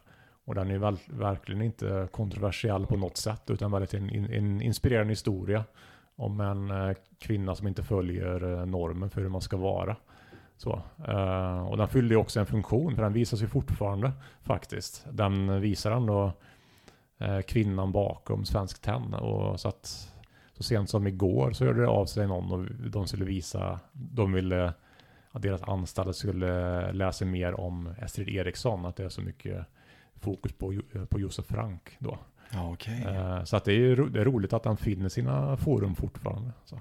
Ja, men det är ju skitkul det där. Jag måste bara dra det också, för ni måste varit bland de första, om inte de första, i Sverige i alla fall, att använda drönare i en filminspelning, ja. eller? Ja, eh, jag tror det faktiskt. Eh, eh, det blev väldigt trendigt långt senare. Men eh, det här ska man ju säga också är, det var ju en form av eh, fish eye kamera liksom. Som fick stretcha ut liksom. Men det blev ändå liksom pampig slutscen på filmen som sådan. Helt fantastiskt när den eh. flyger upp från den här ångbåten som ni dessutom har lyckats att sourca då. Ja, precis. uh, precis, det var en kille från jord där. Hmm, det var så länge sedan nu. Uh, uh, jag kommer inte ihåg hans namn nu. Synd. Det hade varit kul att ge honom ja. en liten shoutout i alla fall. Men, eh, helt fantastisk historia tycker jag i alla fall. Jag har sett den ett par gånger och eh, nej, men den, den, har åldrats väl också tycker jag ändå. Så jättekul att se. Eh, efter den så kom väl Falks grav om inte jag är helt dum eller? Ja, Den precis. har vi varit igenom lite redan och sen var det Tjuvjägaren efter den? Precis, vi gjorde väl egentligen två projekt samtidigt. Vi gjorde, du nämnde Trollhättans formare och det mm. var ju ett jubileumsprojekt som eh, där vi lyfte sex personer som har format Trollhättan till den staden när de fyllde 100 år. Så det gjorde vi liksom vid sidan av kan man säga. Ja men det måste varit ett eh. kul projekt att göra också. En, jag kan tänka mig att det var en heder att få det uppdraget också. Ja men det kändes fint också att för vi båda kom ju utifrån att vi fick uppdraget från Trollhättans stad att göra det här projektet som en eh, hyllning till staden där och då. Det kändes fint. Att det, eh, det kunde någon annan fått också. Så att, eh, det kändes, kändes ärofyllt. Då har man väl ändå blivit adopterad av den nya staden känns det som. ja, men det kanske är så.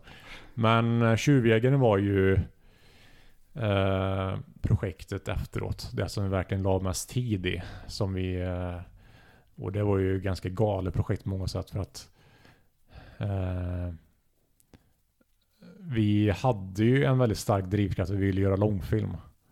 Eh, och det har ju alla som jobbar med film, vill göra långfilm. Men vi hade ju inte förutsättningar att göra det egentligen. Utan vi började med historien och sen eh, under tiden som vi eh, skrev manus och utvecklade projektet så började vi stegvis höja ambitionsnivån. Uh, och det kom med att vi fick in lite kända skådespelare och då blev jag så här, men shit fan nu har vi någonting på gång här och det ledde till att vi fick in, in andra kända skådespelare och det ledde till att andra anslöt till projektet, massa andra personer som också ville göra sin första långfilm. Men så att det drog, kul. drog till sig så mycket folk från alla håll och kanter verkligen. Uh, så jag tror det var 160 pers totalt med olika personer alltså bakom kameran som var involverade på olika sätt. Jävlar. Så att det är ju alltså det är helt sjukt när man tänker på med, alltså, eh, alltså gräsrotsprojekt eh, på det sättet. Att, eh, men vi gör det här vi gör den här lokala historien från Lidköping, från Kinnekulle. Och sen... Jag tänkte just sagt det, det handlar ju ändå om en galning som flyttar ut i skogen liksom i Kinnekulle. Ja, precis. Men den hade väl, den var lika stark som Falks grav på det sättet. Det var, det var en lokal historia så. Men vi hade också höjt ambitionsnivån om att göra något på en mycket högre nivå än vad vi hade gjort tidigare. Uh, och där och då så visste vi inte hur vi skulle göra det. Vi visste ju inte hur vi skulle gå i mål med det här projektet. Och, uh, vi, hade, vi hade inte det fett under den tiden. Vi, vi kunde lätt konkat vårt företag under, under vägs gång. För att vi någonstans hade höjt ribban så jävla högt. För att vi Ambitionsnivån gick upp så pass mycket så att man nästan äventyrade företaget alltså. Ja men så var det ju. Att, uh, så att, men någonstans hade vi en sån stark tro på att man, uh, vi har löst alla saker hittills. Vi vet inte exakt hur, hur vi ska lösa alla saker men det kommer lösa sig. Vi kommer hitta ett, ett sätt att göra det på. Uh, och det gjorde vi också. Verkligen och resultatet var ju spektakulärt. Ja, jag känner väldigt mycket stolthet över den filmen, att vi lyckades ro i land den, med den på den nivån ändå. Um, för det är inte lätt att göra film, och speciellt inte långfilm. Det är väldigt mycket som kan gå som kan sänka nivån så. Men jag tycker ändå att han håller en jämn nivå rakt igenom och den blev ju uppskattad också så. Um, den, uh, den är väl en av de filmerna i Lidköping, eller i Götene framförallt, som uh, har visats av flest, eller som setts av flest personer där. Han är så. ju skithäftigt. Uh, så att den är väldigt stark där, men den visas ju också på, var det 92 biografer vi fick ut den till. och det var också ett arbete som vi lärde oss där och då. Så här, okay, Uh, om vi ska ha kontakt med en distributör för den här filmen, de kommer inte brinna för den här. De kommer inte liksom lägga ner en timme på den här extra, utan de kommer skicka ut den genom sina kanaler och sen blir det inte mer än så. Utan istället så lärde vi oss hur man gjorde.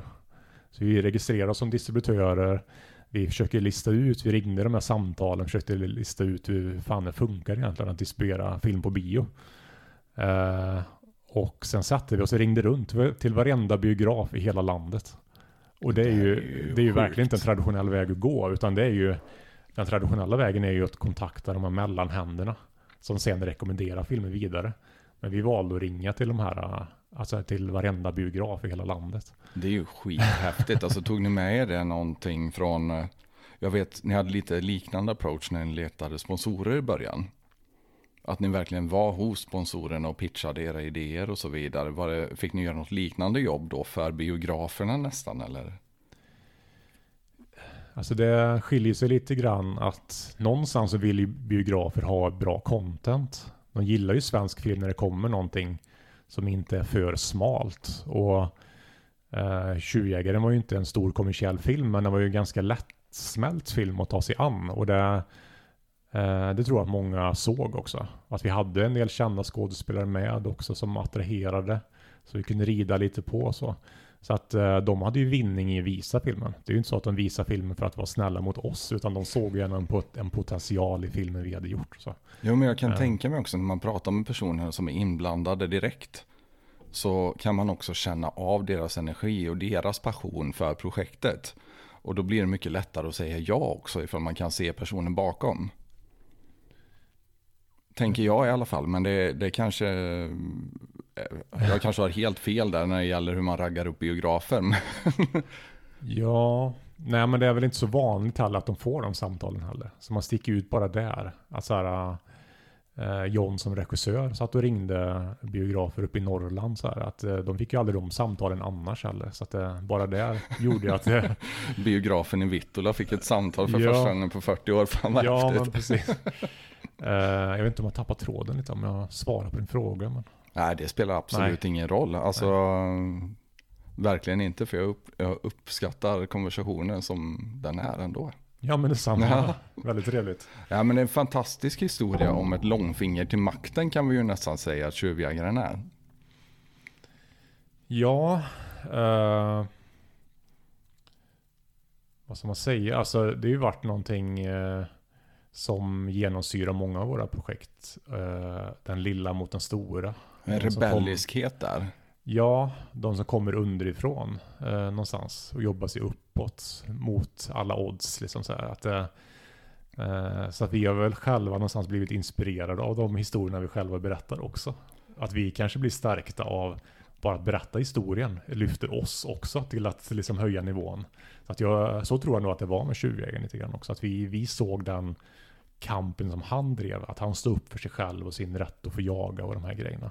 Att han, eh, han bad inte om ursäkt för, för sig själv, liksom, att han fanns. Nej, jag kan inte annat än att bara sympatisera med det. För att jag är ju precis likadan. Jag älskar ju alla de här rebelliska figurerna genom historien. Jag hade ju ett utlägg i introt till en tidigare podd här om Theodore Roosevelt bland annat som är på omslaget. Ja, just det. Och han är ju där för att han är en underbar liten jävla rebell helt enkelt. Men finns det en fascination för ehm, just de här gräsrotsprojekten? Alltså den lilla mot den stora, David mot Goliat eller? Ja, men det är ju också så här äh, att Ja, men jag skulle säga att jag går igång på det. Och jag tror att äh, jag och John har det gemensamt också. För att man måste ju också säga att utifrån kanske det känns som att vi bara alltså, hoppar in i massa projekt hej vilt. Liksom så här. Men det är ju så mycket idéer som diskuteras som inte blir av. Som det någonstans är så att vi båda måste brinna för någonting. Och då har det blivit en viss typ av historia också. Eh, men det är också att man väljer ett viss form av perspektiv också på en historia. Så när vi gjorde socker, sockerexperimentet nu den sista här så vi jobbar jättelänge med den. Så här, det finns ju en bra historia här om de här eh, Karis-experimenten i Lund på 40-talet och sådär. Men, men det här var Vipeholm eller ja, precis. har jag fel där? Ja, Nej. Vipeholm ja. Uh, men vi hittade inte liksom sättet att berätta filmen på. Vi, vi höll ju på i två år och hade olika manusversioner som vi skrotade och liksom gick tillbaka till kammaren och liksom så här testade något nytt samarbete med någon manusfattare och sådär. Innan vi liksom landade i det som känns så självklart någonstans. Att det är från de intagnas perspektiv. Uh, och det, alltså det är ju det som gör hela filmen tycker jag. Att uh, det som gör att det finns något genuint i det. Att det är, man får följa två individer som faktiskt satt på Vipeholm. Uh, som blir förälskade och på olika sätt drabbas av det här hemska överfallet som det ändå får säga att det är då. Ja men det är fruktansvärt övergrepp är det. Berätta gärna lite mer om detaljerna kring det för att eh, jag tror folk behöver höra det här. Ja, eh, det här var ju på 40-talet. Eh, tandhälsan i Sverige var ju väldigt dålig då. Eh, de gjorde någon sån undersökning på folk som mönstrade och då var det 99,9% procent tror jag var som hade grov form av karies då. Men man visste ju inte vad det berodde på. och så var det ju i, i hela världen. Så att, nu killgissar jag lite bara, men är det brist på C-vitamin eller? Det är väl det de uh, ville ta reda på då. Ja, ja. Så att de, uh, svenska staten uh, finansierar ju ett, då, ett försök att ta reda på vad är anledningen till att folk får karies. Eh, och där och då hade ju folk en massa olika teorier om vad det berodde på. Men den som var starkast då och som vi också sett i serietidningar från 30-talet att man pratade bara om socker. Eh, men det fanns inga bevis på att det, att det påverkade tänderna på det sättet. Eh, och på något sätt så Eh, startades det här som experimentet. Man började testa med vitaminer, man testade med margarin, testade med mata liksom intagna med. Eh, och man testade med socker. Eh, och det kan man säga också att en viktig sak där och då var ju att man behövde ha en stor grupp människor som man kunde kontrollera under en längre tid. Eh, och man hade ju tänkt på personer som mönstrade, men det var ju lite för, för kort tid då. Och då hamnade ju egentligen på det enda alternativet som var en, en institution. Som man sa då, idiotanstalt. Personer längst ner i samhällsklasserna. Som uh, många med funktionsvariationer. som varit bortlämnade av sina föräldrar. För att det ansågs att det var en skev kärlek om eh, föräldrar skulle behålla dem. Så att de uppmanades att lämna bort sina barn om de eh, hade någon nedsättning då. Så det är de här personerna som de inser att ja, men de här kan vi kontrollera. De, de här kommer sitta här i, i många år. Så och det är ingen som bryr sig om dem heller. Nej, och föräldrarna i många fall eh, hade ju inte kontakt med dem heller. Så de hade ju inte kontakt med sina anhöriga i så många fall. Så att de kunde totalt kontrollera den här gruppen. Uh, och det här pågick ju under tio års tid egentligen. Man testade olika saker bort och fram och sådär. Det var ju lite experimentverkstad på det sättet.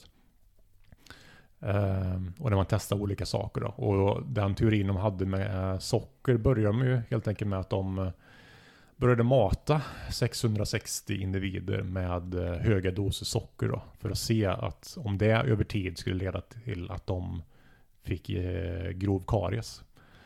Ehm, de, in, de skapade ju också en så kallad Vipeholmskola som i princip var bara socker som de matade de intagna med.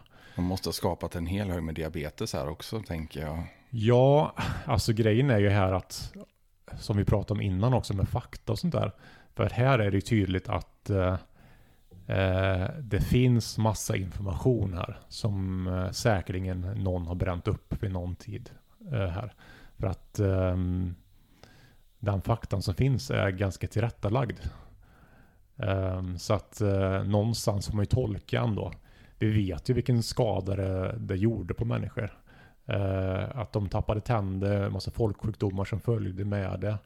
eh, och så. Eh, och att det också gick så långt att de, in, de tog in en försökschef sen för att liksom eh, få de resultaten de ville då. Och då såg ju han på resultaten i första hand och människorna i andra hand någonstans. Och, och där och då så då kickade han ju exempelvis en tandläkare som var den som som vårdade tänderna. Så att ändå se till så att eh, de under experimentets gång kunde, ja, kunde få lite tandvård. Men han, den här försökschefen, han kickar tandläkaren för att han ansåg att det inte var bra för forskningen skulle. Eh, så det säger väl ganska mycket om tiden som var då och alltså det Sverige vi hade också. vi hade också. Vad sa du nu? Människosynen vi hade också. Det är ju fruktansvärt att man tänker att ja, men ingen bryr sig om de här ändå så vi kan experimentera på dem. Ja, och det gjordes ju också under någon flagg som var svenska folkhemmet. Att det gjordes för den breda massans skull också. Det här var någonting som skulle komma alla till gagn. Uh, och någonstans så, så räknar man inte in allmänheten i, i den här gruppen. Utan det här var en utsatt grupp som inte var en del av samhället. Och så att det var på något sätt värt att riska de här då. För den breda massans skull då. Det är en fruktansvärd historia och jag menar i Sverige har vi ju ett ganska bra urval av fruktansvärda historier. Vi har ju tvångssteriliseringarna som pågick in på 80-talet om inte jag har helt fel. Alltså jag tror inte de slutade förrän jag var född. Till viss del. Och eh, det pratas väl också om att det tvångssteriliseras när man eh, vill genomgå ett könsbyte idag till exempel. Eller en könsbekräftelse, vilket, vilken nomenklatur man nu vill använda.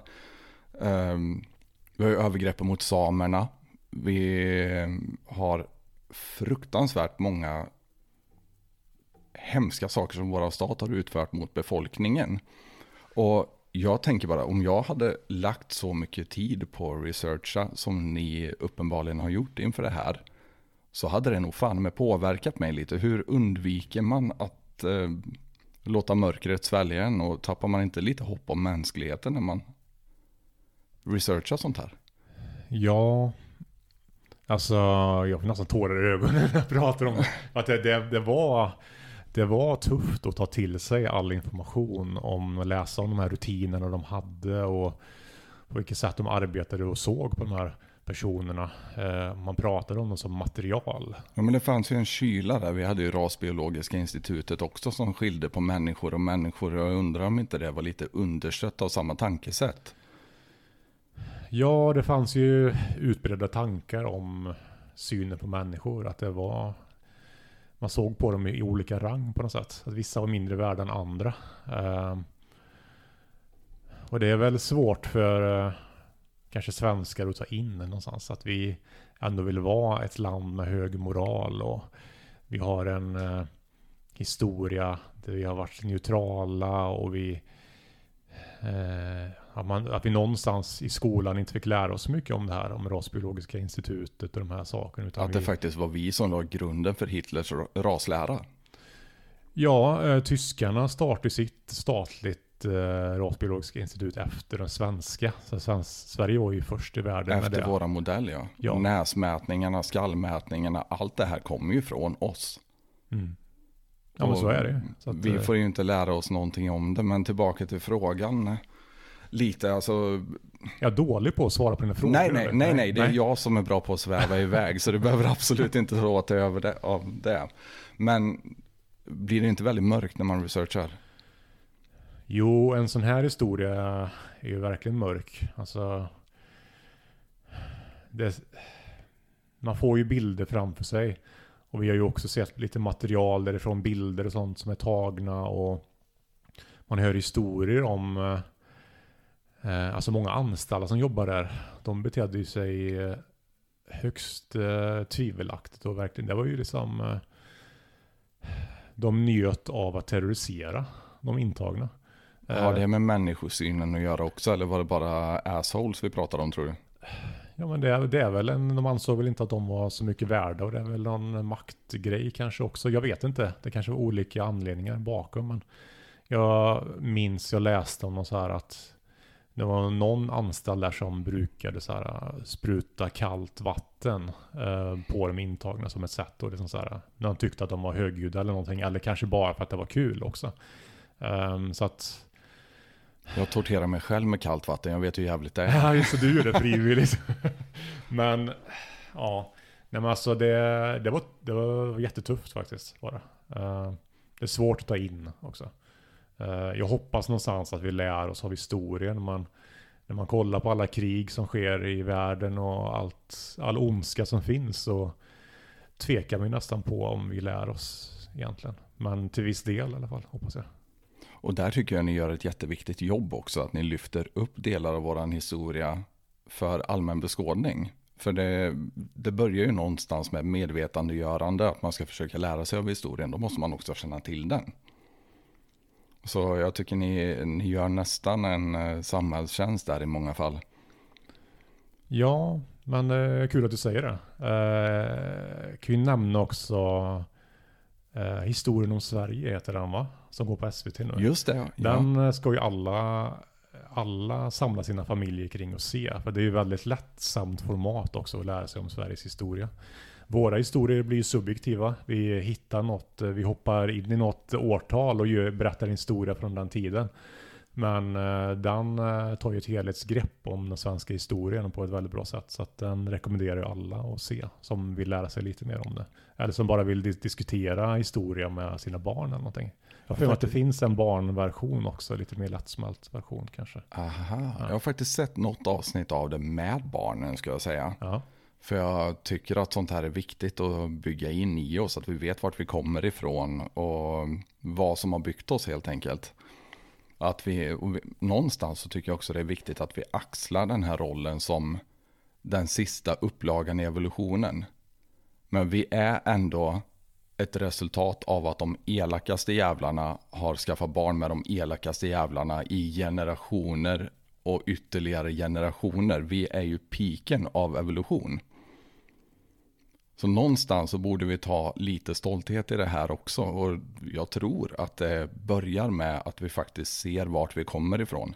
För jag vet bara, om jag går två generationer tillbaka i min egen släkt så gjorde ju människorna saker som jag knappt kan föreställa mig. Och det var vad de gjorde vardagligen för att överleva bara. Ja, men det känns ju också som att det händer så mycket också när man bara kollar framåt i tiden också nu. När man pratar AI och sånt, vad kommer det göra med mänskligheten? Kommer, kommer vi fördummas? Kommer vi bli lata? Eller kommer vi bli produktiva och kreativa av det? Att vi hittar verktyg som gör att vi kan skapa saker som inte är möjligt nu. Eller så här, det är ju jätteintressant tycker jag när man pratar medborgarlön exempelvis. Att, här, är det ett naturligt steg om, eh, om AI eh, tar över vårt värdeskapande åt oss tänker du? Ja, men det är ju eh, redan så nu att AI tar ju över vissa jobb nu. Liksom så. Vissa jobb kommer komma till i och med AI, men det är också så att eh, som med eh, självkörande bilar och sånt så är vi ganska långt framme. Så att eh, det kommer ju hända väldigt mycket kring AI och det har vi bara märkt det senaste året hur mycket vi, eh, liksom allmänheten, eh, ser vad, vad som är möjligt liksom så med AI. Beatles har ju ändå släppt en ny låt med John Lennon.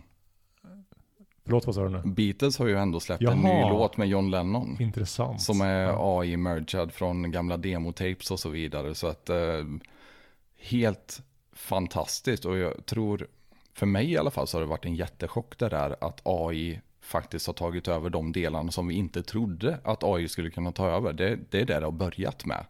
För i min värld så var det ju Skynet och självgående robotar som eh, liksom hjälper till i hushållet och ja, det tar ju alltid en mörk twist i mina tankar givetvis. Ja. Men, men det som det har börjat med är ju nästan de kreativa jobben och de tänkarjobben och kontorsjobben känns som att det är de som kommer att försvinna först nästan för att AI kämpar lite med den fysiska verkligheten. Så har det varit en chock för dig också att det är där AI går in först? Uh, nej, Alltså det är ju någonstans så att vi eh, vi måste ju liksom ta till oss den eh, nya kunskap som kommer och använda det på ett sätt som gör att vi kan höja blicken och göra ännu bättre saker någonstans. Och det är ju också en, någonstans en konkurrensfördel också att om man kan anamma tekniken och använda det på rätt sätt så kan vi också göra bättre saker än alla andra. Så det är ju någonstans en överlevnadsgrej såklart också. Men det är också intressant. Så här när man pratar om AI-dubbningssystem och sånt där. Alltså det är, Man, ja, vi såg ju Jimmy Åkesson hålla ett tal på arabiska ja, för inte för länge sedan. Ex exakt, och det finns ju, det utvecklas ju inom filmen nu också. Alltså man, man kan eh, alltså dubba med AI på ett sätt där också man anpassar munnarna efter, efter det andra språket då. Eh, så det är man ju, deepfakar sig igenom det nästan. Ja, och det, det, syns ju inte heller. Det är ju riktigt snyggt gjort också. Så att det är ju också en, det är ju därför det var, eller en delvis i alla fall, eh, det var strejk i Hollywood nu också ju med det här, alltså kring om man ska kunna få lagra en skådespelares röst och använda och sådär, liksom vad regelverk kring det och sånt där. Um, så det händer ju väldigt mycket och någonstans uh, måste vi våga testa tekniken också i tidigt stadie. Någonstans också att uh, försöka dra lärdom av det och se vad som går och inte går. Absolut. Sen um, är ju det ett väldigt outforskat område och vissa tror ju till och med att vi nästan är kokongen som kommer att föda nästa livsform. I och med att vi uppfinner AI. Så ja. många rädslor kring det givetvis, men äh, använder du AI mycket själv? Uh, jag kan inte säga att jag gör det i den utsträckningen än så länge. Men jag kommer nog göra det när vi börjar utveckla nästa projekt. Då tror jag att jag kommer försöka ta till mig det på så många sätt jag kan. Så, um, så att uh, jag avvaktar nog lite till nästa projekt. Men alltså i textform så, så använder man det liksom garanterat. Det är ett jättebra verktyg. Verkligen så. Jättehäftigt. Men, uh, ska väl ta nästa steg där också på andra sätt tänker jag. Jag förstår. Ja. Roligt alltså. Och när vi ändå pratar om um, mörka kapitel i Sveriges historia. Alla med bruna ögon ställer sig upp. Ja. Vart kom inspirationen till att göra ett sånt projekt? Um, det projektet var det John som hade hört uh, en radiodokumentär som uh, handlar om Jönköpingskravallerna då. Det finns ju en jättefin P3-dokumentär om det här. Exakt, ja. så den rekommenderas att se. och den påminner ju också ganska mycket egentligen om sockerexperimentet på sättet. Det är ju samma årtionde också. Ungefär samma tid och sådär. Så att en tid där man såg annorlunda på individer. det är vissa mycket resande folk som hade en, där man kallade för jag vill nästan inte ta ordet i min mun. Jag vet att det är... Jag kan göra folk... det. Tattare vi pratar om eller? Ja, precis. Mm. Uh, och, men resande folk är väl den uh, bästa benämningen för den gruppen. Man, de använder ju tattarordet som ett sätt, väldigt nedlåtande sätt om en grupp människor som, som eh, kom till eh, Sverige, kom, som kom till Jönköping. Eh, de, de hade mycket resande på den tiden, på 40-talet. Ehm, och där det ansågs att de sög ur skattkassan, jag tänker. så att ja, de såg väldigt nedlåtande på dem, de individerna. Ehm, och ehm, på något sätt så eskalerade det här eh, hatet mot de här individerna, eller den här gruppen, på ett sätt som gjorde att det blev upplopp i Jönköping. Där de åkte runt på flak med påkar och misshandlade de här resande folket. Eh, alltså br brutalt liksom. Och det var ju liksom eh, Svensson Svensson som deltog i det här liksom anslöt för att de tyckte att de gjorde någonting gott. Att de trodde på någonting, att det här, det här är bra för vårt samhälle att liksom bidra till det här. Um, och, um, men det var ju djupt inne i eh, systemen också. Alltså ehm, vi intervjuar ju två personer då som var barn på den tiden som minns tillbaka när eh, de kollar ut på gården när deras eh, pappa blir misshandlad av, av de här upprorsmakarna. Så de minns ju tillbaka på den här tiden. Men där den ena då är, har ljusa ögon och den andra har mörka ögon. Och när hon med mörka ögon kom tillbaka till skolan efter hösten efter de här händelserna så sa ju läraren i klassrummet sa så här. Alla med bruna ögon ställer sig upp. Och då var det hon endast som ställde sig upp. Bra, nu kan du sitta ner. Som ett sätt att bara visa på vem, vem det är som inte är en del i vår grupp här egentligen. Så att det var ju i skolans värld också då så som det skedde och det var ju i alla samhällsstrukturer, skulle jag säga. Det är så sjukt hemskt. Man kan inte riktigt föreställa sig det för att det sker ju på ett helt annat sätt idag. Men samtidigt så kan jag dra paralleller också på hur man stämplar människor idag också.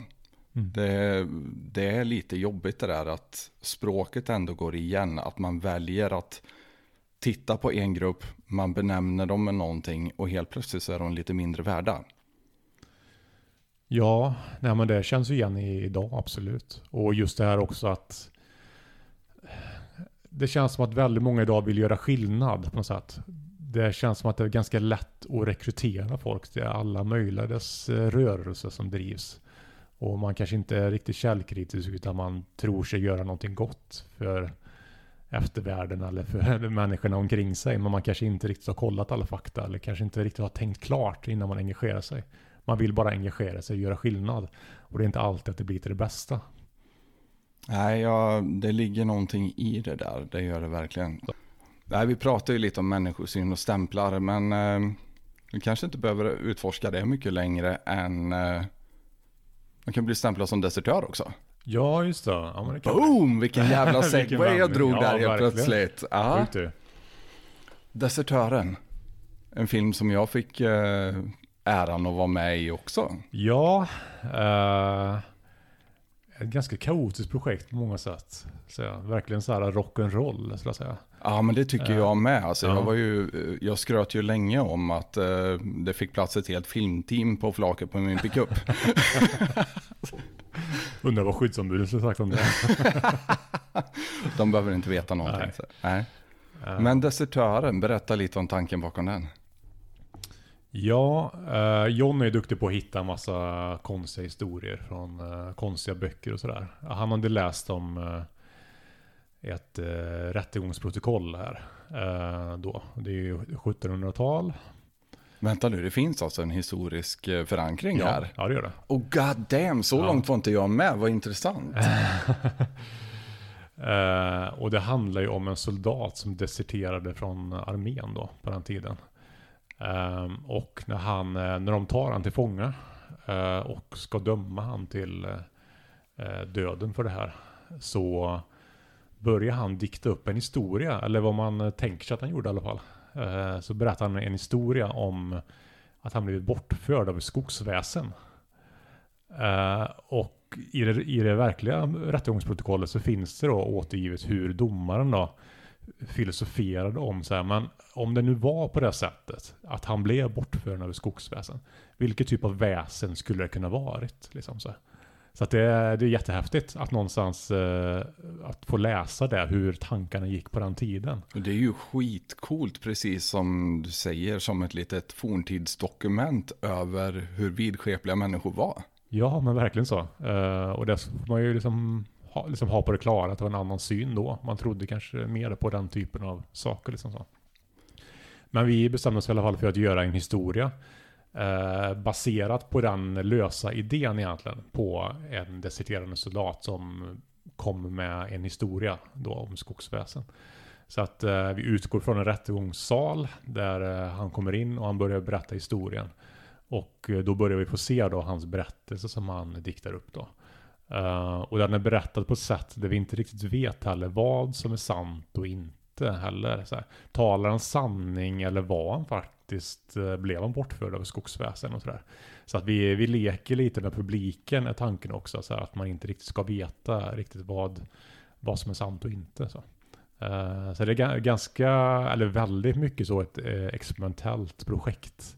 Där vi inte hade ett manus från A till Ö när vi började filma, utan uh, där vi någonstans eh, hade olika inspelningar och vi la olika pusselbitar och sen eh, la vi samman allting. Märkte att det inte alls håller ihop till liksom ett dugg. alltså vi undrade liksom vad är det för historia vi berättar. Och sen började vi liksom ta in en klippare som började klippa det här och sen hittade vi en helt annan historia än kanske var tänkt från början. Så det var väldigt många kreativa processer bakom vilken historia det blev i slutändan.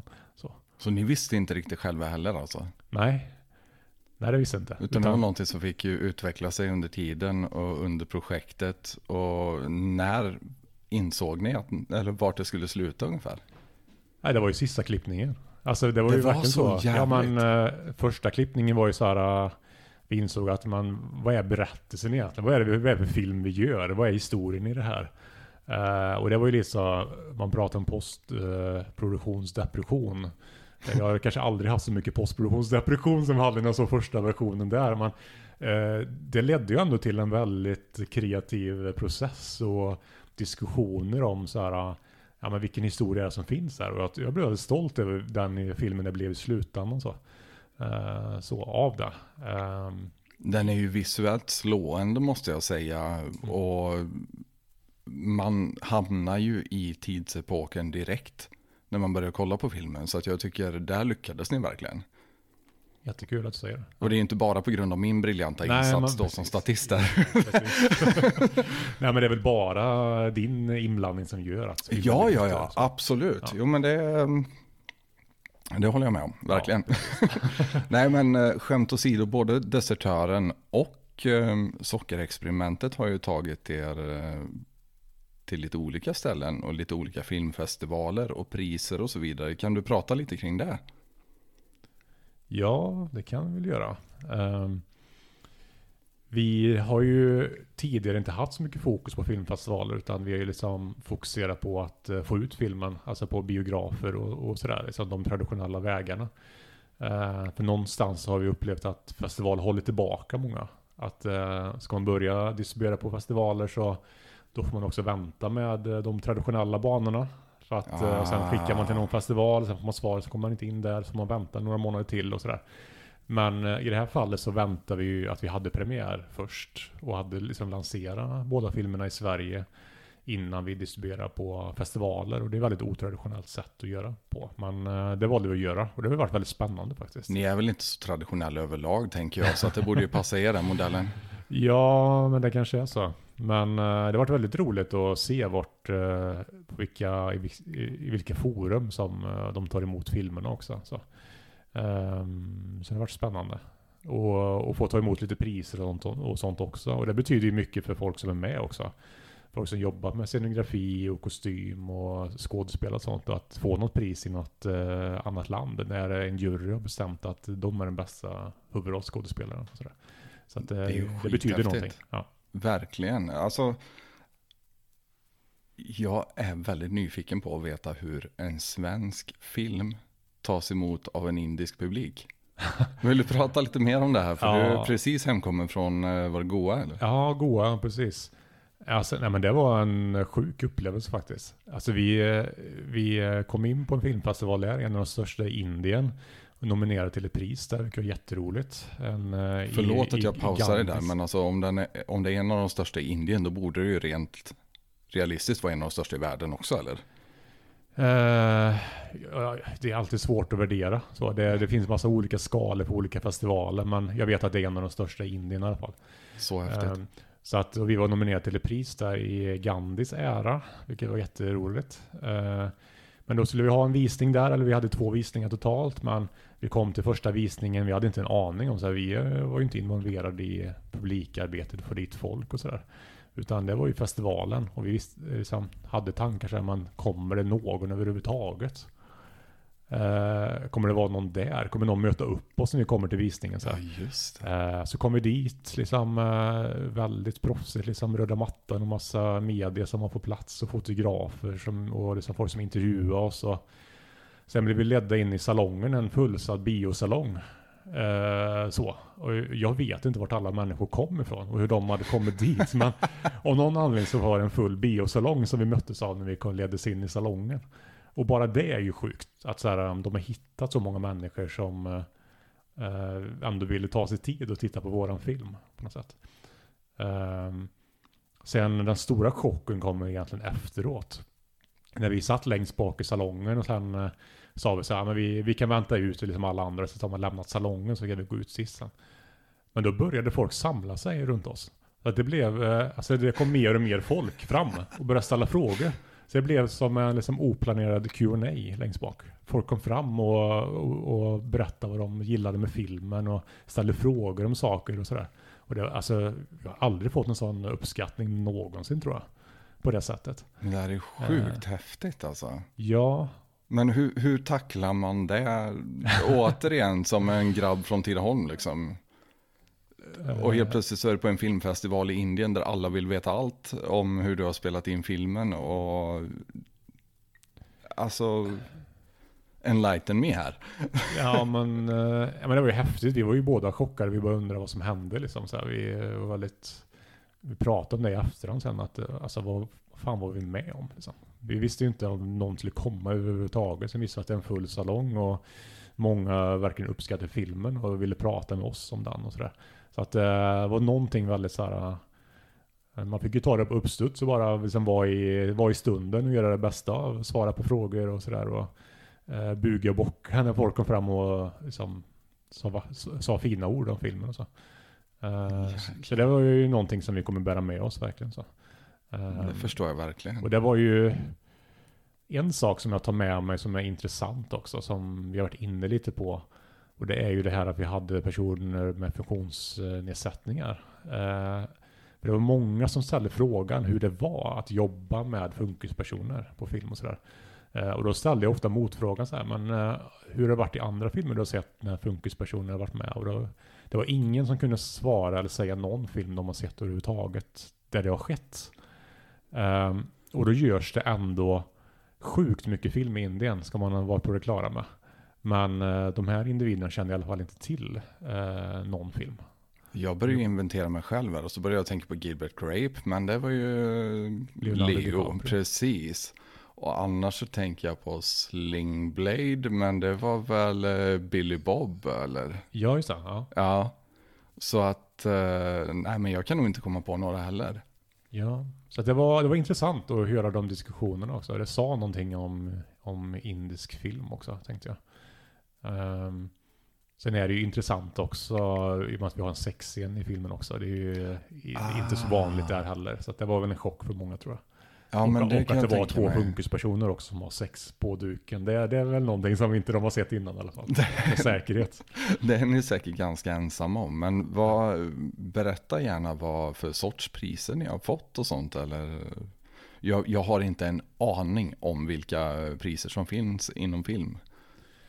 Ja, man, vi har varit i eh, Berlin på festival där och i New York har varit. Och i Slovakien har han vunnit lite priser och sådär. Så att det har varit runt på lite olika håll. Så. Um, och de har sett olika saker i filmen. Så att det har liksom varit skådespelare som fått priser och bästa regi och bästa historiska film och sådär. Uh, Den måste ju kännas i bröstet lite.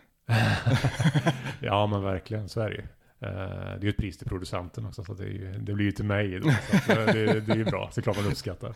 Självklart. Ja. men jag känner nog att det betyder mer för uh, folk som har varit med i våra projekt, så än vad det betyder för mig. Även om det, om det är kul att vinna priser så man märker ju vad det gör med skådespelare som har lagt in sin själ i någonting och som får tillbaka det i uppskattning från ett annat land, från en festival någon annanstans. Så, så att på det sättet så känns det värt att lägga det jobbet bara för skådespelarnas skull och de andra som varit med i projektet. Så. Men vad skönt att höra också att du har en sån inställning till skådespelarna för att man hör ju många andra filmskapare prata om hur besvärligt det är att jobba med vissa skådespelare och att alla skådespelare har ett sånt konstigt ego för att de är så vana vid att eh, faktiskt låtsas vara någon annan och så vidare. Men du har bara positiva erfarenheter att förstå nästan. Ja, alltså det är ju alla skådespelare vi jobbar med är ju drivna människor. De gör sitt yttersta för filmens bästa. Uh, och de är också, många skådespelare, väldigt duktiga ambassadörer för filmen också. Det är bra människor att ha omkring sig. Uh, så, på det sättet. Men uh, nej, men jag måste säga att jag tycker vi har varit duktiga på de projekten vi har gjort. Att ändå folk har slutit upp att folk har slutit upp och ställt sig bakom och gjort sitt yttersta för filmens bästa. Så att jag, jag kan inte säga att jag har så mycket dåliga erfarenheter på det sättet. Ja men skitkul att höra. Och ni hade fått göra, den här filmfestivalen var i Gandhis ära? Mm. Ja, hur mm. känns det? Måste jag fråga. Alltså du som ändå har, jag vet ju att du har lite spirituella tankar kring buddhism, eh, nu är, var ju Gandhi hindu, men det är ju lite samma tankesätt, liksom att man eh, återföds in i det eviga hela tiden och så vidare. Men hur kändes det att få representera Gandhi? Ja, men det är ju väldigt speciellt alltså. Alltså det är ju en ikon, alltså verkligen så. Någon som gjort så mycket gott för mänskligheten. Och att eh, ändå vara nominerad i, i hans ära liksom. Det, det var jättestort verkligen. Eh, någonting som vi kommer ta med oss resten av livet tror jag. Så att, eh, och också att få vara där på plats och gå på galan, eh, prisen delades ut och allting det där. Eh, tyvärr blev det inget pris, men eh, konkurrensen var väldigt tuff, det får man ju säga också. Men Ja men det känns väldigt ärofyllt måste jag säga. Det känns väldigt fint. Så. Kan tänka mig detta ja. alltså. Ja, um, jag råkar ju veta att både du och uh, jag hämtade väldigt mycket visdom och uh, följde Björn Natthiko Lindeblad under hans sista år i livet. Mm. Nu hoppar vi ämnen här Marcus. Nu hoppar vi duktigt här, ja. men alltså um, ADHD kan vi skylla det på. Men jag vet ju också att han eh, gick ut på sina egna villkor. Med hjälp av lite passiv dödshjälp där. Och eh, du har en ganska klar åsikt kring det här med dödshjälp va? Eh, det är en väldigt komplex fråga till en början med. Alltså det finns den är jättebesvärlig. Ja, den är jättebesvärlig verkligen. Uh, så att det finns inga lätta svar egentligen. Så här, vad är rätt och vad är fel? Ja, men det är någonting som är rätt för någon och fel för någon annan. Men jag blev väldigt berörd av hans historia. Som han berättar om sin far som hade KOL, hade han va? Det är möjligt, ja. ja. Så han var ju väldigt sjuk och dålig och kände att han inte ville leva längre. Men i det systemet vi har så tillåts, tillåts han ju inte att somna in på något sätt. Um, och då fick han, eller då jobbade han väldigt hårt för att en svensk läkare skulle skriva under eh, något tillstånd så att han kunde åka till en klinik i Schweiz eh, för att få somna in då, eh, aktiv dödshjälp. Uh, och då får vi följa han i liksom, den här processen, hur de jobbade för det här och hur de sen kom ner till den här kliniken och hur de kunde samla hela familjen och släkten som kom dit och sådär. Och de hade ju fått då ett datum och tid när man, den här tiden kommer eh, morfar, farfar och pappa somna in. Liksom. Det, det är då det kommer ske. Uh, och um, Björns pappa då fick ju en stund med alla, alla familjemedlemmar, fick tid att prata av sig och berätta, sprida sin kärlek liksom innan det var dags för det. Och det var någonting i det här att, någonting vackert i att um, man kunde planera för någonting och man kunde, ja, det fanns tid att säga adjö och det var ingen död som kom plötsligt. Han kunde styra över sitt eget liv någonstans att, uh, ja men jag känner inte att det är värt att leva längre på de villkoren som jag har just nu.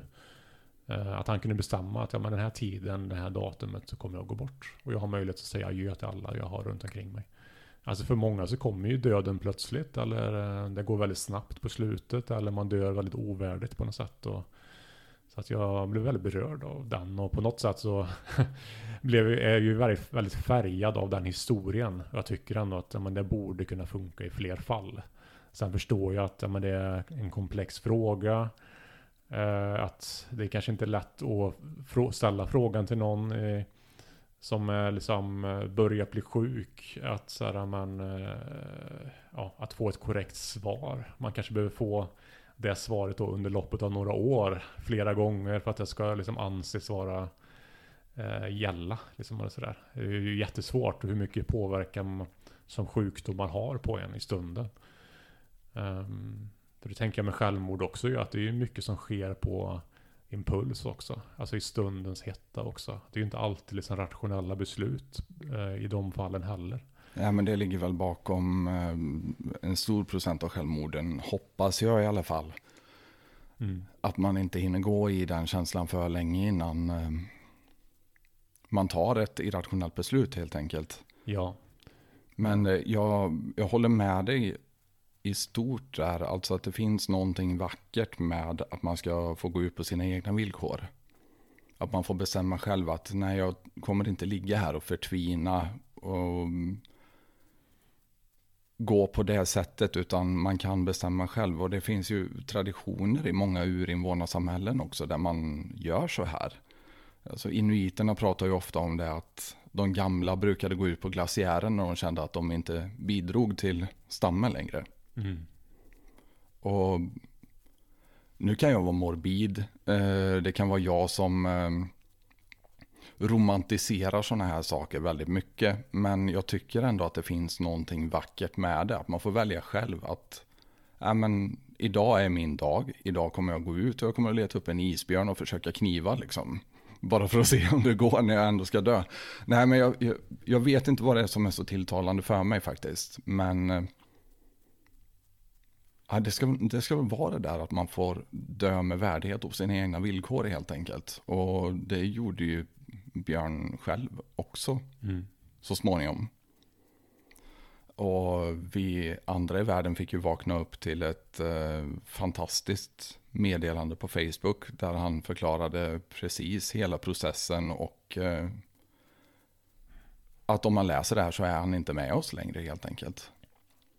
Mm. Och jag kan inte säga annat än att ja, men det var ett vackert sätt för en vacker person att få gå ut. Verkligen. Och tänk om fler kunde gå bort på det sättet. Att jo, man ändå gör det bästa av situationen ändå. Då.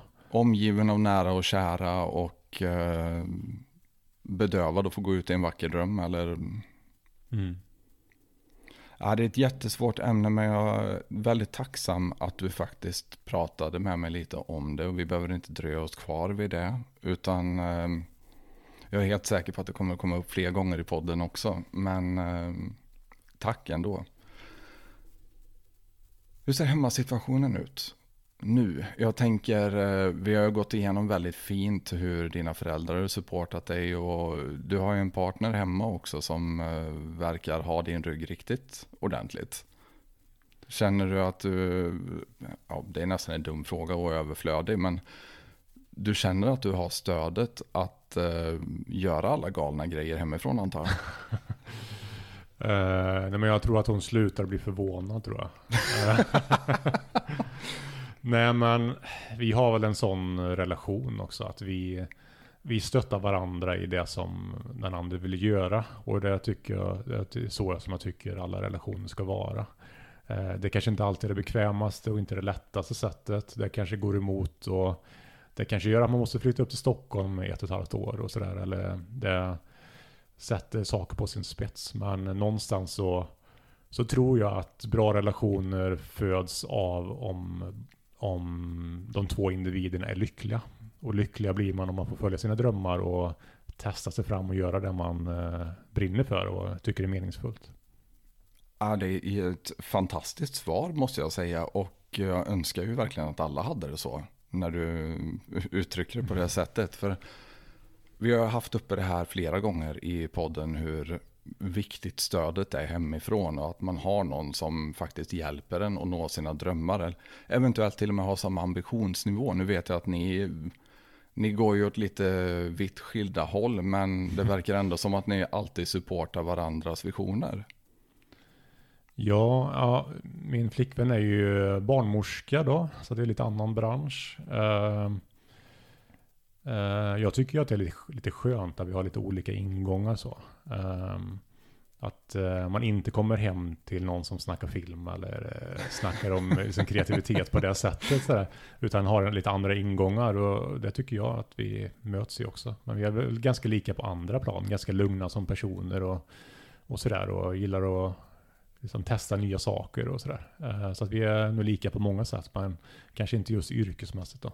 Men Nej men det är väl skönt, kan tänka, eller kan tänka mig. Men alltså det är skönt att ha någon att bolla med också. Alltså i stunder som kan vara jobbiga också. Ha någon som känner en som väl också. Men uh, som dessutom har ett helt annat perspektiv då. Ja, precis.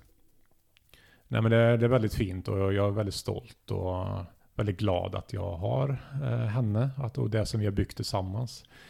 Uh, vi båda började väldigt eh, Eh, två fattiga individer som möttes i någon så här eh, strävan efter eh, egna drömmar och visioner och sen har vi växt tillsammans och eh, fyller tio år nästa år så att eh, men det känns väldigt fint tycker jag. Ja, jag, jag uppskattar verkligen båda era, ert umgänge och jag tycker ni är ett fantastiskt par också. Så jag, jag var tvungen att fråga lite och jag hoppas verkligen att hon kommer hit och pratar med mig också mm. vid någon tidpunkt. För att uh, det vore kul att få gå igenom hennes historia lite, för hon har också en väldigt stark historia. Det finns ju väldigt mycket där, verkligen så. Uh, så man kanske inte går in på det, det blir för lång historia. Man...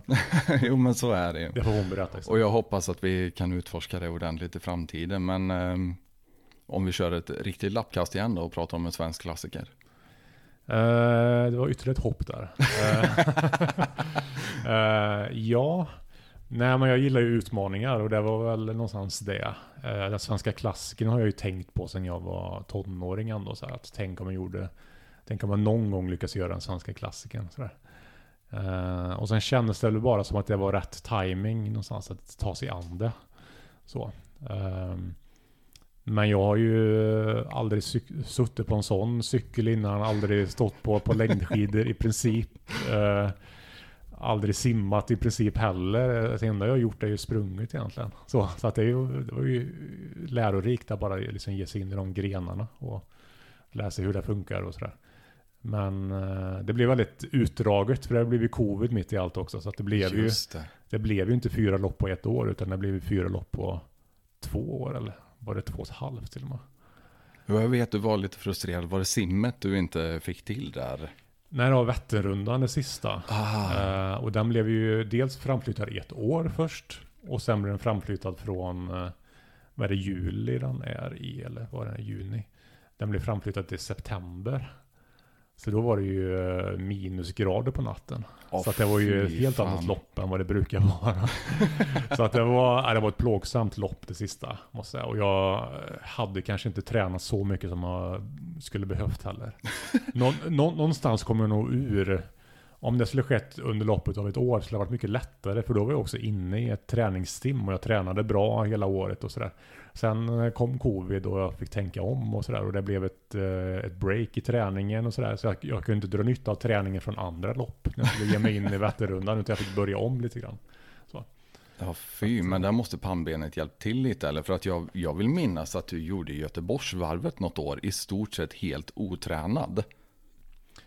Nej, men alltså jag har ju sprungit en del inom året. Det har varit min, eh, mitt sätt att hålla igång. Så, så, så att det tränar jag väl ganska, ganska mycket vet jag inte. Men, uh, den löpningen ligger väl mest naturlig då, om man säger. det är väl de andra loppen där som jag känner att det var mycket svårare. Som Vasaloppet, det var ju inte någon snö på hela vintern. Just och jag har typ jävlar. aldrig stått på, på längdskidor.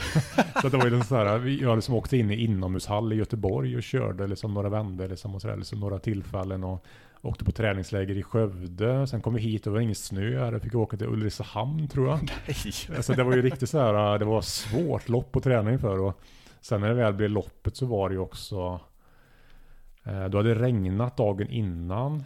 Så det var isgata hela loppet. Så alltså man kunde aldrig åka ner för någonstans utan man, då fick man ta av sig skidorna sen. Gå ner med skidorna sen börja staka igen. Så det var, det var tufft. Eh, Jag förstår så att varje det. lopp var, var sin prövning. Um, och uh, Lidingöloppet, då hade jag feber också så mådde jag heller inte så bra efteråt. Så att, så att, Men du genomförde ändå? Ja, det gjorde jag. Ja, ja. ja. Eh, rekommenderas inte för övrigt, men... Nej, eh, precis. Nej. Då ska vi vara lite ansvarsfulla och säga. eh, vad var svårast? Uh, Vätternrundan var nog tuffast ändå. Jag, jag upptäckte ju det att, för jag, det är ju svårt att träna så här. Det är ju liksom 31,5 mil. Det, det kör man ju inte i på, när man tränar. Det går inte att ge sig ut och träna 31,5 mil. Att som längst så cyklar jag 10 mil och sådär när jag tränar. Men jag upptäckte ju det efter 15 mil att eh, det här mådde inte mina knän så bra. Ah. Eh, så att någonstans så var det så att uh, sista 15 milen så cyklade jag i princip med ett ben. För jag kunde inte stötta mig på, andra, på ena knät. Ah, jävlar, spelade riktigt... kylan in då också? Ja, ja, ja, det kanske var det liksom så. Men uh, någonting gjorde i alla fall att jag fick jätteont i knät. Så att jag försökte ställa om sadeln och sånt för att belasta på olika sätt och sådär. Men Sista 15 milen cyklade på ren viljestyrka. och det tog en jävla tid gjorde det, men jag tog mig i mål och det är jag väldigt stolt över. Den. Ja men det ska det absolut vara också. Ska vi gå igenom vad som ingår i den här svenska klassikern? För jag misstänker att inte alla har hört talas om det. Då är det Vätternrundan då i alla fall. Ja, eh, det första jag gjorde var ju Vansbrosimmet, så det är tre kilometer då i strömt vatten. och 14 graders vatten. Eh, så det var ju första loppet. Och det, ja, det kortaste loppet av alla men ändå väldigt tufft när man inte har någon historia som simmare. Hur lång tid tar de tre kilometrarna? Uh, en och en halv timme tror jag. Jesus, ja. Eller jag kommer inte riktigt ihåg, jag blir osäker nu. Um, så det var första loppet. Um, och sen, vad körde jag sen? Vansbro, eller Lidingöloppet körde jag sen. Och där kände jag mig ändå bekväm med att jag skulle springa tre mil. Aldrig sprungit tre mil, man tänkte det, det fixar nog. uh, bara att jag var sjuk då, så det, var, det, var, det var tufft. Men, uh, och jag, det upptäckte jag också, för att när jag har sprungit så här, Göteborgsvarvet, det är mycket på asfalt sånt, då har jag känt av knäna också. Att det är, liksom, det, det är tufft liksom att springa 2,1 mil på asfalt. Men tre mil i terräng var inget problem för knäna. Så okay. det var ganska intressant lärdom också att uh, bara man springer lite ut i skogen och sånt så klarar man mycket längre. Så. Uh, och sen var det Vasaloppet då uh, som vi körde. Och det, väl, alltså det, det var en prövning i och med att det var isgata. Men det är ändå det loppet som jag känner att jag skulle vilja göra igen. Och jag skulle vilja göra det med, med bra förutsättningar, men det jobbiga är att man inte vet det. Ja, du kan inte veta det. vad det är för förutsättningar när du anmäler dig två månader innan. Utan det, det kan vara tö och det kan vara regnat och det kan vara 20 minusgrader också. Så att eh, jättesvårt. Men, eh, längdskidåkningen är väl det som jag ändå så fastnade för. Som jag känner att men det, här, det här är en stimulerande, rolig träning. Så. Ja, det ligger ju lite i blodet för min del. Nu har jag mm. gjort det alldeles för lite genom mitt liv tycker jag. Jag mm. vet hur man gör det men eh, jag tar mig aldrig tid till det. Och sen ska man ta sig någonstans där det finns bra spår och så vidare. Men du har skidor eller? Jag har faktiskt inga men jag kan Nej. låna ifall det är så. Ja, ja, du får haka på någon gång. Jag, jag pratar med några andra stycken om att åka iväg någon gång i vinter här också. Så att du får haka på. Ja men det gör jag gärna. Det vore ja. jätteroligt. Ja. Ja. Uh, får ju faktiskt dra det bara för att det kom... Uh, på tal här nu och göra Vasaloppet otränad. Ja. Jag känner ju ett annat psykfall. Alltså, uh, shoutout, tack uh, shoutout till Viktor. Um, ifall du lyssnar på det här. Han sa någonting i sin, för hans pappa är nämligen triatlet. Och skulle göra Vasaloppet. Han hade ju tränat uh, superbra inför det, var jätteförberedd. Och Viktor kommer dit utan att ha kört överhuvudtaget. Så han mm. sa det, nej men strategin är att de första tre milen tänker jag att då kan jag lära mig att åka skidor. Eh, nästkommande tre mil, det, det borde gå per, ja, jo men det borde, min fysik borde bära mig där. Och så får jag bara ta till pannben de sista tre. och jag vet att han faktiskt tog sig i mål så att eh, Ja, roligt att man faktiskt kan göra det här relativt otränat, men det kräver nog ett jävla pannben helt enkelt. Ja, jag tror man kommer långt med, eller jag känner att jag kom långt med mitt pannben i alla fall. Men sen blir det ju roligare, om man är bättre tränad så blir det ju ett roligare lopp också. Det ska man ha klart för sig. Så att eh, det finns ju ingen riktig mening med att köra olika lopp om man inte har tränat inför det. Nej, eh, precis. Om man inte vill ha bekräftelsen av att man klarar av någonting. Eh, så att det, det blir väl en liten, liten klapp på axeln att man faktiskt har gjort det. Men det skulle ju varit roligare om man kunde kört liksom 100 eh, timmar eh, längdskidåkning innan. Det skulle varit mycket roligare. Ja, men det kan jag verkligen tänka ja. mig. Ja, men förutom att vi ska träffas och åka skidor lite då, vad, mm. vad händer i framtiden? Nej, men det är väl det. Nej, men eh, du blir väl inte förvånad om man säger att vi, det diskuteras ju idéer, massa idéer om framtiden och projekt man vill göra och sådär. Uh, jag och John, jag vet inte om jag har sagt hans efternamn ens, men John Tornblad heter han i alla fall, han som jag refererar till hela podden. Ja. ja uh, vi diskuterar ju olika idéer om vad vi vill göra. Så att um, det är ju en rolig fas. Uh, kanske den roligaste fasen till och med. Har ni några älsklingsprojekt som ni stöter mot varandra eller är ni relativt överens? Nej, men det, det är väl inte. Det, alltså, det, alltså det finns ju idéer som vi båda känner mycket för. Sen är det ju mycket som ska stämma in med det också. Så här, vad man känner. Vad är, vad är rätt projekt för oss just nu? Liksom så här, efter sockerexperimentet och då, den uppmärksamheten vi har fått där. Eller vill vi göra något liknande eller något helt annat? Vill vi göra drama eller någon genrefilm och sådär? Eller vill vi göra något svulstigt, stort och, eller något lite enklare och kreativare? Eller sådär. Det är ju så vad man känner för och vilken fas man är i också. Och det får vi se lite grann vart vi landar. Ja men eh, sjukt kul att höra i alla fall. Om folk vill hitta dig och John Tornblad, ska mm. vi ja. nämna efternamnet också då, och uh, Affektfilm, hur beter man sig då? Uh, det bästa just nu är väl egentligen den senaste filmen vi har gjort sockerexperimentet på Facebook. Det är väl där vi postar som mest, skulle jag säga. Ja. Sen har vi en sida med affektfilm också. Den är inte lika aktiv. Jag tycker vi är mycket bättre på att posta i de projekten vi gör. Så, så att uh, följ sockerexperimentet på Facebook. Så kommer det säkert upp också information om vi gör kommande projekt också.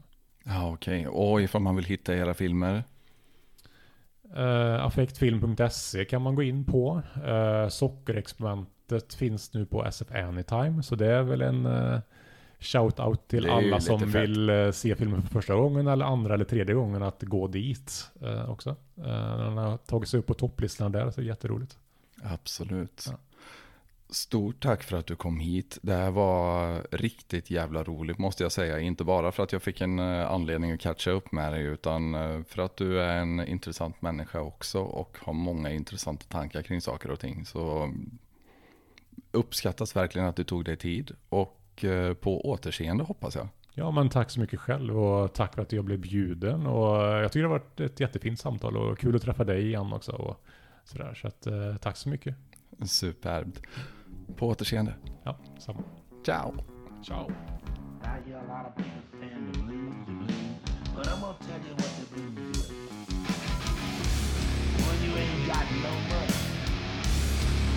I got no money.